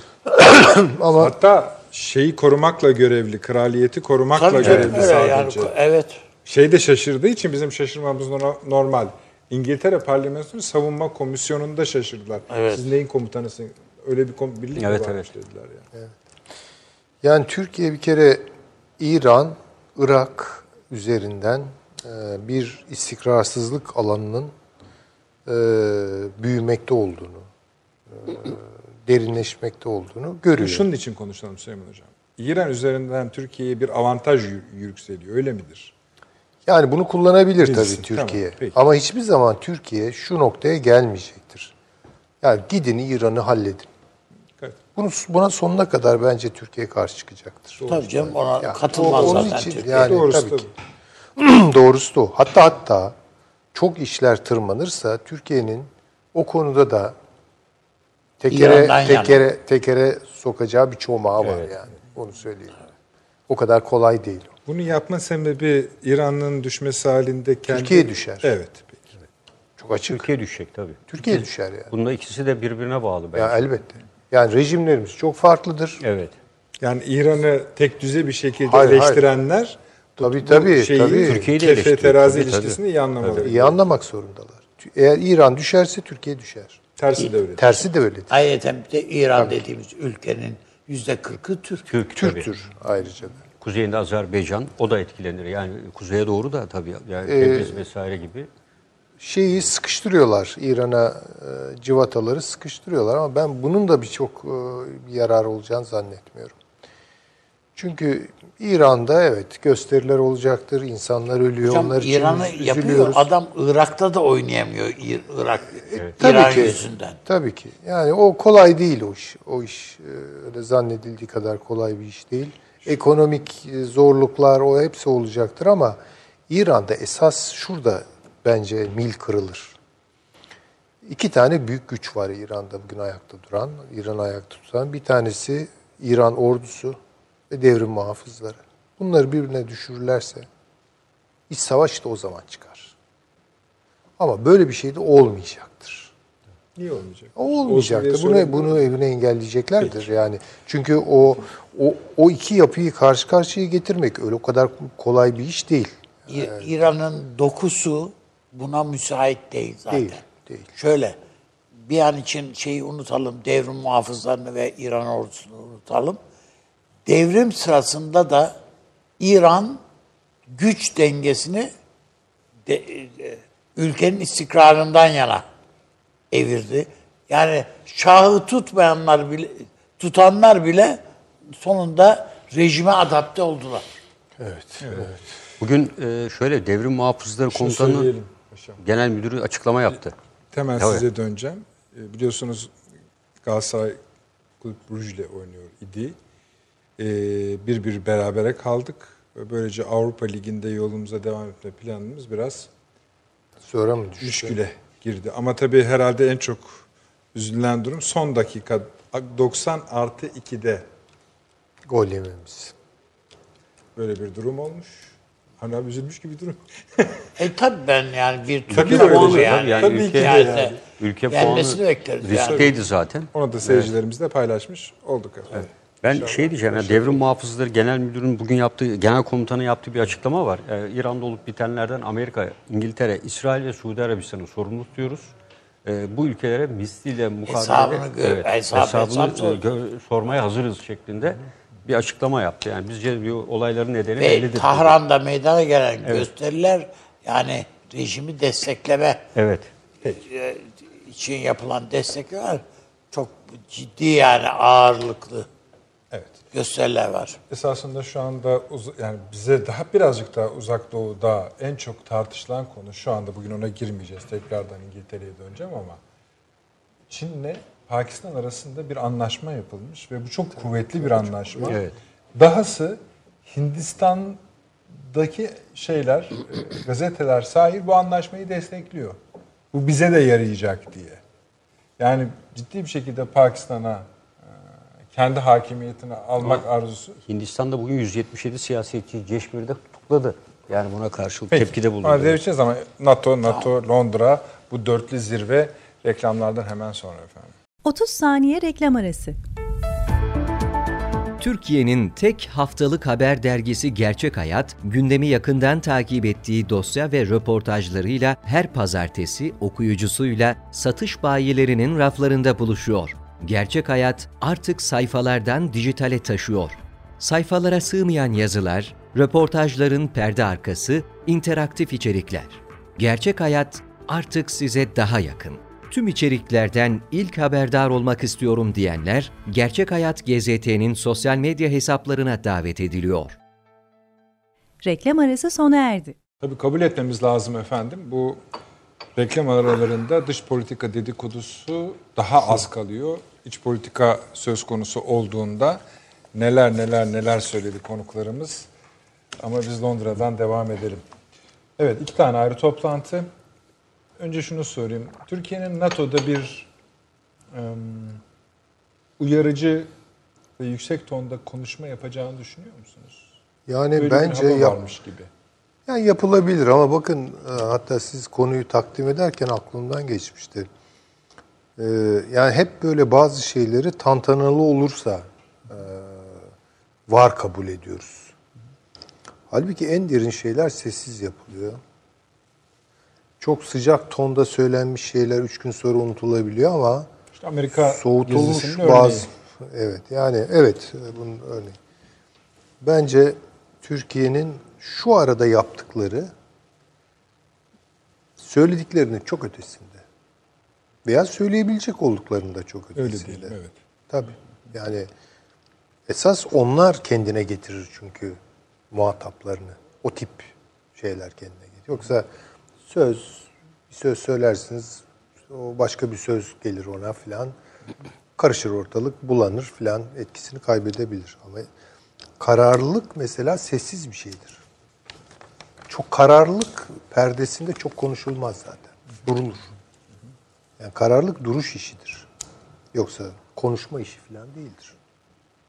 Çok konuşuyorsanız zaten kararsızlığınıza hükmederler bir yerden sonra. Orada çok ince dengeler var. Ya bence Türkiye'nin ne yapacağı daha fazla merak edilir hale geliyor. NATO için geliyor. Bakın bütün o ifadeler Tabii tabii. yani Türkiye artık biraz kontrol dışı bir oyuncu. Yani buna buna dikkat etmek lazım. Türkiye'nin ne yapacağı, ne şekilde tutum alacağı, ne ta- ne tavır alacağı, neyi bloke edip neyi mesela bloke etmek çok ilginç bir şey yani. Yaptırmıyorsunuz. Siz bir şey yapmamış oluyorsunuz ama bir şeyi yaptırmamış oluyorsunuz. Çok etkileyici bir şey bence. Bu gibi şeyler daha da artarsa yani Türkiye'yi daha fazla kale almak zorunda kalıyorlar. Ki böyle gidiyor şu sıralar. Kafaları o açıdan çok bulanık. Yani şimdi Amerika'nın bir tarafı hala böyle at gözlüğü falan artık e, hafif ka- kaçıyor. Körlükle. Körlük. Körlükle Türkiye'yi diz çöktürmek istiyor. Trump Erdoğan görüşmesinden sonra Trump'ın üzerine daha çok gidiliyor bu konuda. Böyle bir, bir taraf var. Ama birden birileri bunu sağlamaya çekiyor ya biz ne yapıyoruz yani bindiğimiz dalı kesiyoruz. Bunu da seslendirmeye başlıyorlar. Şimdi bunların arasında kafaları şu an çok bulanık. Amerikan karar alıcılarının bölünmüş vaziyetteler vesaire. Avrupa da aynı şekilde. Avrupa'da böyle bir Türkiye'ye alışkın değil. Ki Avrupa-Türkiye ilişkileri çok daha iç içe geçen. Yüzyıllara sari bir ilişkiler tarihi. Nasıl bir Türkiye bu yani? Böyle oturur deyince oturan, kalk deyince kalkan bir Türkiye olmaktan çıkıyor. İnisiyatif alıyor. Bakın bunu söylemiştik. Türkiye bu Barış Pınarı harekatını yapsın. Çok daha fazla kapısı çalınacak. Çok daha fazla. Evet. E, bu oluyor ama şimdi. Yani şimdi aklımıza gelir mi? Ee, bir NATO toplantısı oluyor. Sonra bir dörtlü toplantı oluyor. Buyurun. Nereden çıktı? Ve Ki Türkiye. O 400 toplantı zaten NATO'nun Avrupa Birliği'nin şey çekirdeği. Çekirdeği zaten. Ama Türkiye ile toplanmak Tabii, istiyorlar. gayet. Yani bırakın NATO'yu bir tarafa Ve biz sürekli diyorlar. Bunu tekrarlayalım. Periyodik yapalım. bir diyorlar. periyodik yapalım. PESCO'da biliyorsunuz P permanent. Evet. Permanent. Dolayısıyla sürekli. Yani ye- Avrupa'nın da kafasında yeni bir Türkiye imajı, imgesi oluşmaya başlıyor. Yani çünkü Türkiye'siz hiçbir şey olduklarını gördüler. Yani Orta Doğu'da olamayacak. Arada Yunanistan olmasa zaten çoktan boşlayacaklar. Boşlayacaklar Evet, ama arada Yunanistan'ı Yunanistan, da evet. Yunanistan'ı da çekemiyorlar. Yani şu, şimdi Alman kafasına göre Yunan, Yunanlılar tembel, Evet. verilen imkanları çarçur ettiler vesaire. E Türkler başarılı, çalışıyor. Türkler çalışkan bir millet. Yani öyle değil mi? Ee, ya o- dolayısıyla o Yunan Helen, Helen romantizmi falan bunları zaten son hesaba taşımazlar. Yani son hesapları romantik olmaz bunlar. Yani oraya kadar belki çok akılcı olur. Yepyeni bir Avrupa-Türkiye ilişkileri dönemi başlayacak. Ve bu NATO üzerinden olmayacak.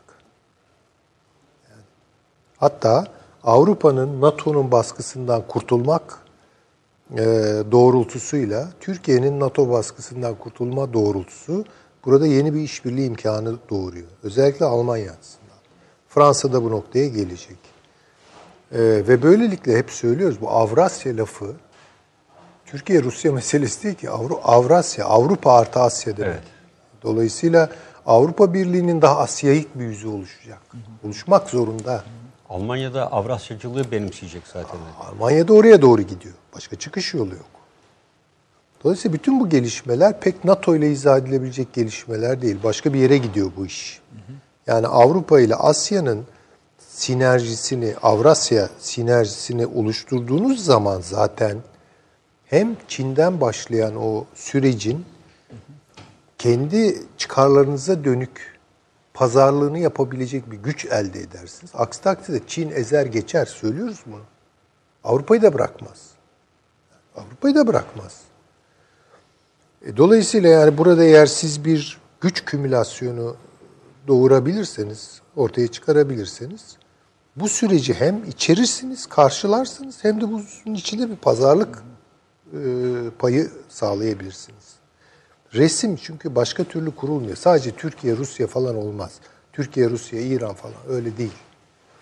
Rusya, Türkiye ve Avrupa arasında bir şey olursa, bir yakınlık olursa, ha işte bu bakın bu Doğu Akdeniz'de de bütün dengeleri değiştirir.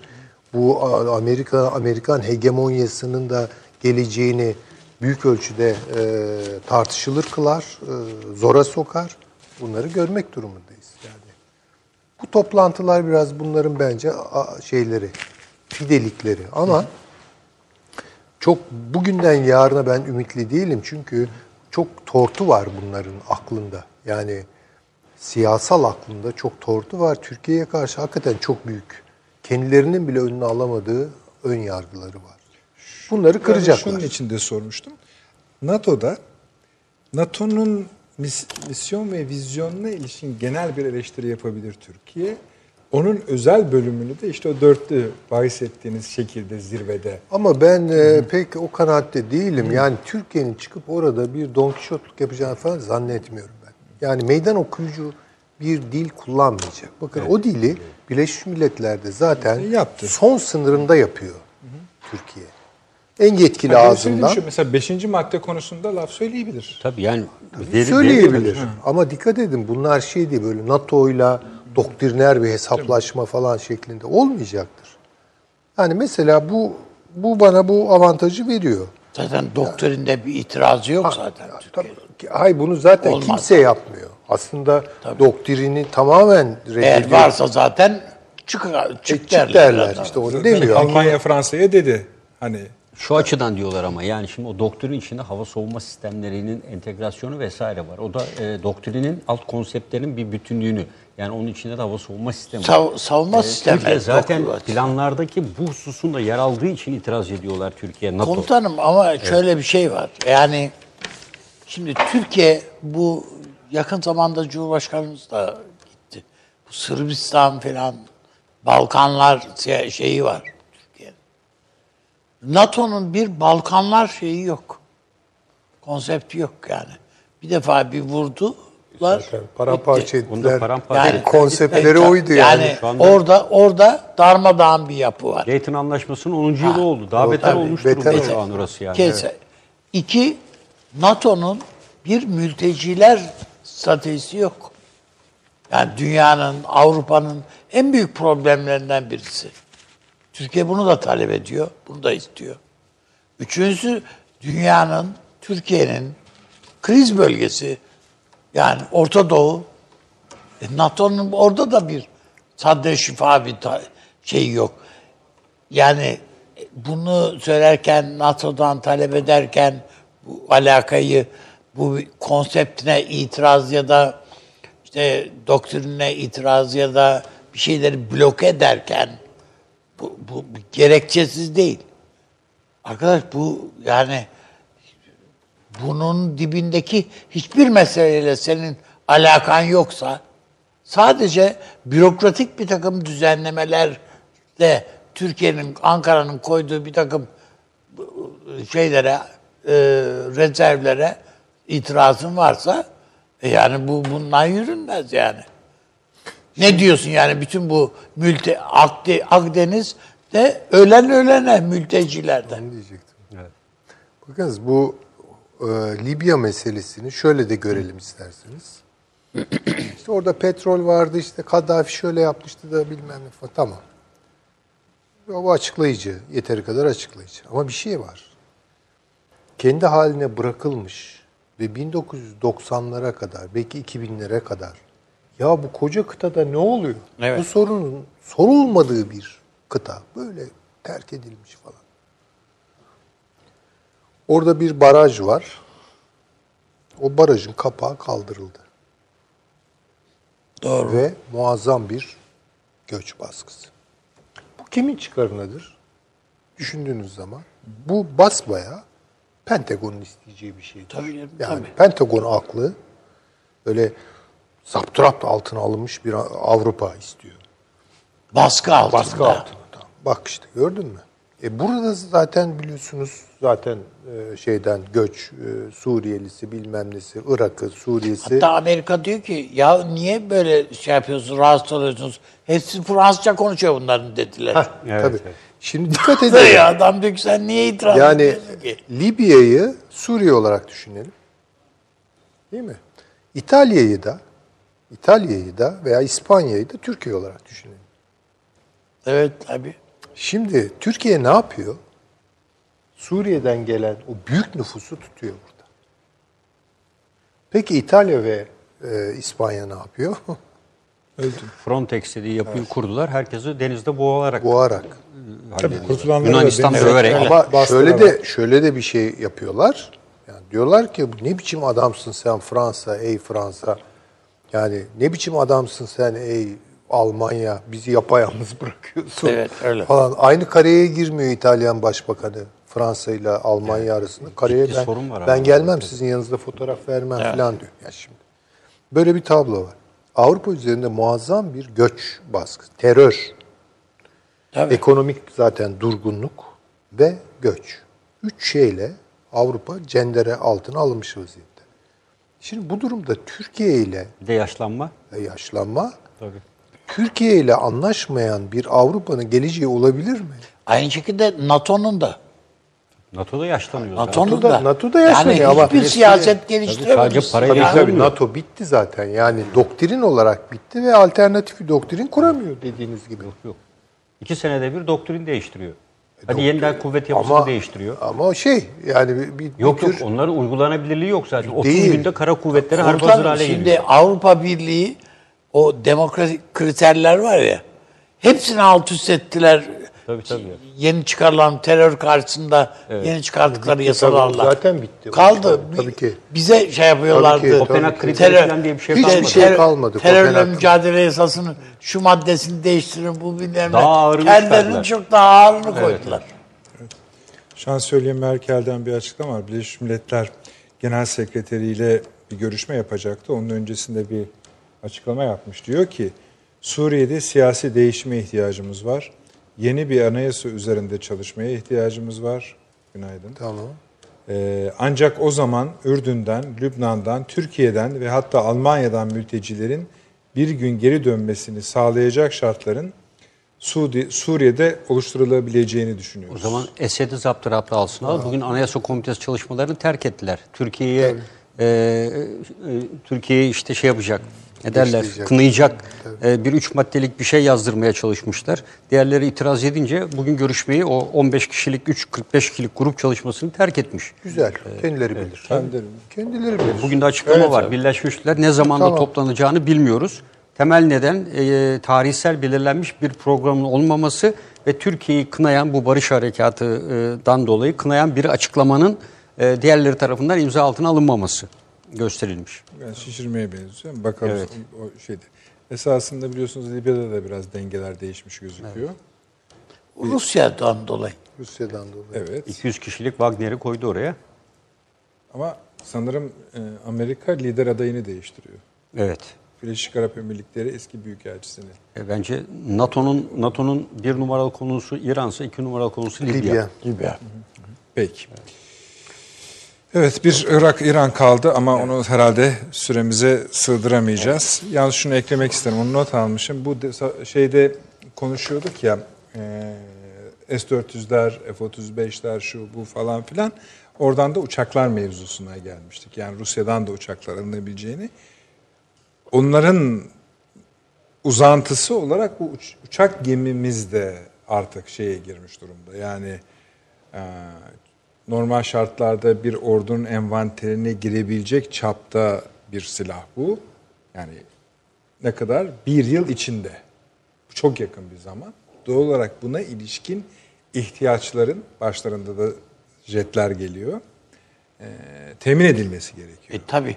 Şimdi ben bugün e, pardon dün e, şeyle e, Eten Sancak'la bu tank palet palet meselesi dedim ne tank paletmiş bu ya yani filan yani ya, dilden düşmüyorsunuz hani bir F 35'ler var bir de, tank Tank palet. palet Ama Süleyman. Hocam'la programdan Ha. önce konuşuyorduk. Bunu iyi anlatılmıyor 2021'de yani. 2021'de çok daha gelişmiş bir şey olarak Altay tankı e, yani prototipten daha gelişmiş bir modelini e, 1500 e, şey beygir Motor, gücünde mi ne motor, evet. şeyiyle motor gücünde olanıyla 2021'de Türk Silahlı Kuvvetleri'ne teslim edilecekmiş.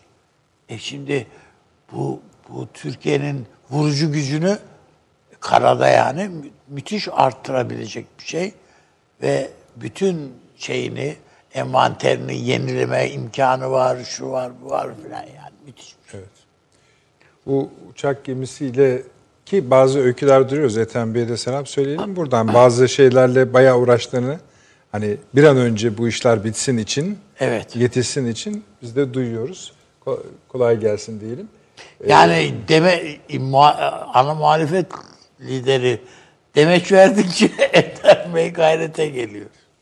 Öyle devam etsin o zaman. Hayır davet etsin fabrikaya anlatsınlar yani orada. Tabii. Ya, ya adam de- Buyurun. diyor ki kardeşim yani biz bundan mı uğraşacağız? Buna izah ediyor. Yani işte baş- Cumhurbaşkanı da gerekli açıklamayı yapıyor zaten. Hayır, hayır, fabrikaya davet edip burada briefing yani anlatsınlar belgeler şudur Ama budur. komutanım şimdi anlamak isteyen insana yapılır o Ama işler. ondan sonrası kendilerine ait. Yani bunu e, şu anda e, niçin buna ihtiyaç olduğunu zaten açıkladı. Yani Katar'dan finansal açıdan yeterli olmadığını ve birçok nedenleri söylediler. Yani bunu e, orada da e, ziyaret ederek, fabrikayı da e, gezdirerek söyleyebilirler. Siz Evet. e, Anadolu uçak gemisini mi Evet, söylediniz? o, o önemli. Şunu da söyleyelim orada. Bu uçak gemisine ilişkin Türkiye ilk açıklamalarını yaparken bir sürede devam ettirdi. Esasında bir uçak gemisi tarifi yapmadı. Amfibi hücum gemisi ismi. Ey yaptı. Ama aslında bu ona dönüşmüş durumda. Yani e, En azından yani bir fo- yani şimdi öbürünü de kullanabilir, öbürünü de kullanabilir. Zaten bunu yapmasaydı aslında olacak. biz biraz alınırdık. Çünkü bunu yapmak çok mümkündü. Bir eklemeyle uçak gemisine dönüşülebiliyor. Ha daha küçüktür. Yani diğerleri 30-40 taşır. Bu da bir filo taşır. Ege Denizi için zaten Ha, e, yeter. Yani Bizim nereye? için yetiyor. Amerikan 6. yetiyor. filosu da girip manevra yapamıyor zaten. Ama oradaki denizde. bütün yani o üç denizdeki yani Karadeniz, Ege, Marmara, Akdeniz'deki Türkiye dengeleri ilave, değiştirir. ilaveten ilaveten Türkiye derse ki ben Kuzey Kıbrıs Türk Cumhuriyeti'nde de bir hava üssü kuruyorum derse daha ne ihtiyaç? Sanki yakında deniz üssünü açacaklar gibi. deniz Yani üssünü deniz- açacaklar Çalışılır. zaten. Onu bir anlatın öyle bağlayalım. Evet yani şu anda Kıbrıs Anadolu- görüşmeleri de He, Anadolu e, amfibi uçak gemisi esasında bu F-35'lerin hep malum B tipi dikine inip kalkan e, uçaklar için Hesap onun e, hesap onun üzerineydi. Tabii F-35'lerin bu şekilde gecikmesi veya verilmemesi e, bu e, Yunanistan'ı ve Doğu Akdeniz'deki diğer unsurları rahatlatacak. Yani düşünün e, bunda dikine inip kalkan bu uçaklar bir yandan S-400'ün koruması altında e, hareket ettiklerini aynı zamanda sadece bununla yetinmiyor. Bir de Türkiye'nin önemli bir avantajı var. Tanker uçakları var Türkiye'nin. Evet. Yani Yunanistan'da ve diğer ülkelerde olmayan Uzak tanker ufuklar. uçakları var. Ta Dolayısıyla- 90'larda başladı. Tabii e, bu F-35'ler bu sistemlerle de son derece uyumlu zaten. E, F serisi olduğu için.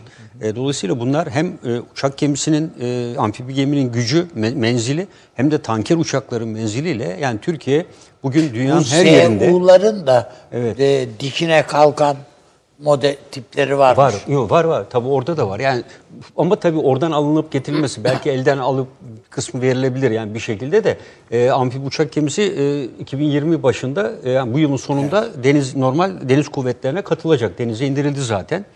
E, e, evet yani e, bunun gerekli her türlü testleri de yapılıyor. İkincisi de kıza konuldu zaten. İkincisi de gelecek bunun. Evet. E, zaten 16 adet alınması planlanmıştı Zaten bu aksa- şeylerden. aksamları zaten monte edilmesi falan. Evet. Yani, e, bu Türkiye'nin dediğim gibi e, bir an önce bu konuda da Türkiye'nin kararını vermesi lazım. Yani bence F-16'larla bir süre idare edebiliriz ama amfibi uçak gemisinin etkinliğinin artması için o dikine inip kalkan e, uçaklar lazım. e, Çin'de var. Çin'de yok. Yani Çin'de e, Çin kendi gemisinde de yok zaten. Onun e, aldığı ikinci O uçak gemisini tek- yapıyor. tek uçak gemisi E, tek uçak gemisi E var zaten elinde. o- İkincisini o, da yapma bizim var aşamasında. yapıyor. Yok o değil abi. Bu başka. Varyak, Varyak'tan sonra ikincisini yaptılar. Ya ama İki var ya tane. çıkardı evden. E, Varya çıkarttı ama genel kullanabiliyor onu. Ben yakın yani mesafede Boğazlardan de- Duruyor ama geçerken o- seyrettim, o- o hatırlıyorum. duruyor değil mi? Var yaptırıyor. duruyor. İkincisini yaptılar onlar. Abi Ee, şu- Japonya karşı onu kullanıyorlar. Yani Güney Çin denizinde aktif olarak. Şu tehlikeli soruyla bitirelim. İç politika konuştuk ya başta. Evet. Gerisi dış politikada konuştuk ya. Bir zamanlamada ikisi paralel akıyorlar. Tam nerede kesişiyor bunlar? Şöyle söyleyeyim. Çünkü yani, ne dediniz? Erken seçimi e, hayır ben e, Türkiye'yi kanırtacaklar. Yani bu erken seçim. Yani o, ondan yana benim bir şüphem yok. Problem e, şudur. O kanırtma ayrı mesele ama Türkiye'nin burada sıcak karnı ekonomidir. Yani e, bugün mesela e, Ali Babacan'ı tabii bizi seyretti seyircilerimiz. Onu seyredememişler. Dir. de ben öyle düşünüyorum. E, Fatih Altaylı'nın bir değerlendirmesi herhalde sohbetin sonunda var. Diyor ki bir lider değil, bir organizatör seyretle sohbet diyor. Oysa liderlik iddiası vardı değil mi yani? Şimdi bu başka bir iş. Organizatör demek başka neyi organize etmekle görevli veya üstlenmiş Onu bilmiyoruz tabii yani. Az önce onun için yani sohbet sırasında, program sırasında onun için söyledim. Bir kurgu. Bu tek boyutlu bir şey değil. Sadece bir siyaset zemininde e, Ankara'da e, götürülen bir şey değil. Bu iş dünyasında var, bu medyada var, bu başka pek çok alanda var. Onun için e, buna Hiçbir karşı dış siyasetin fevkalade... kesiştiği yer burası Evet, diyorsunuz burası, aslında. esas burası.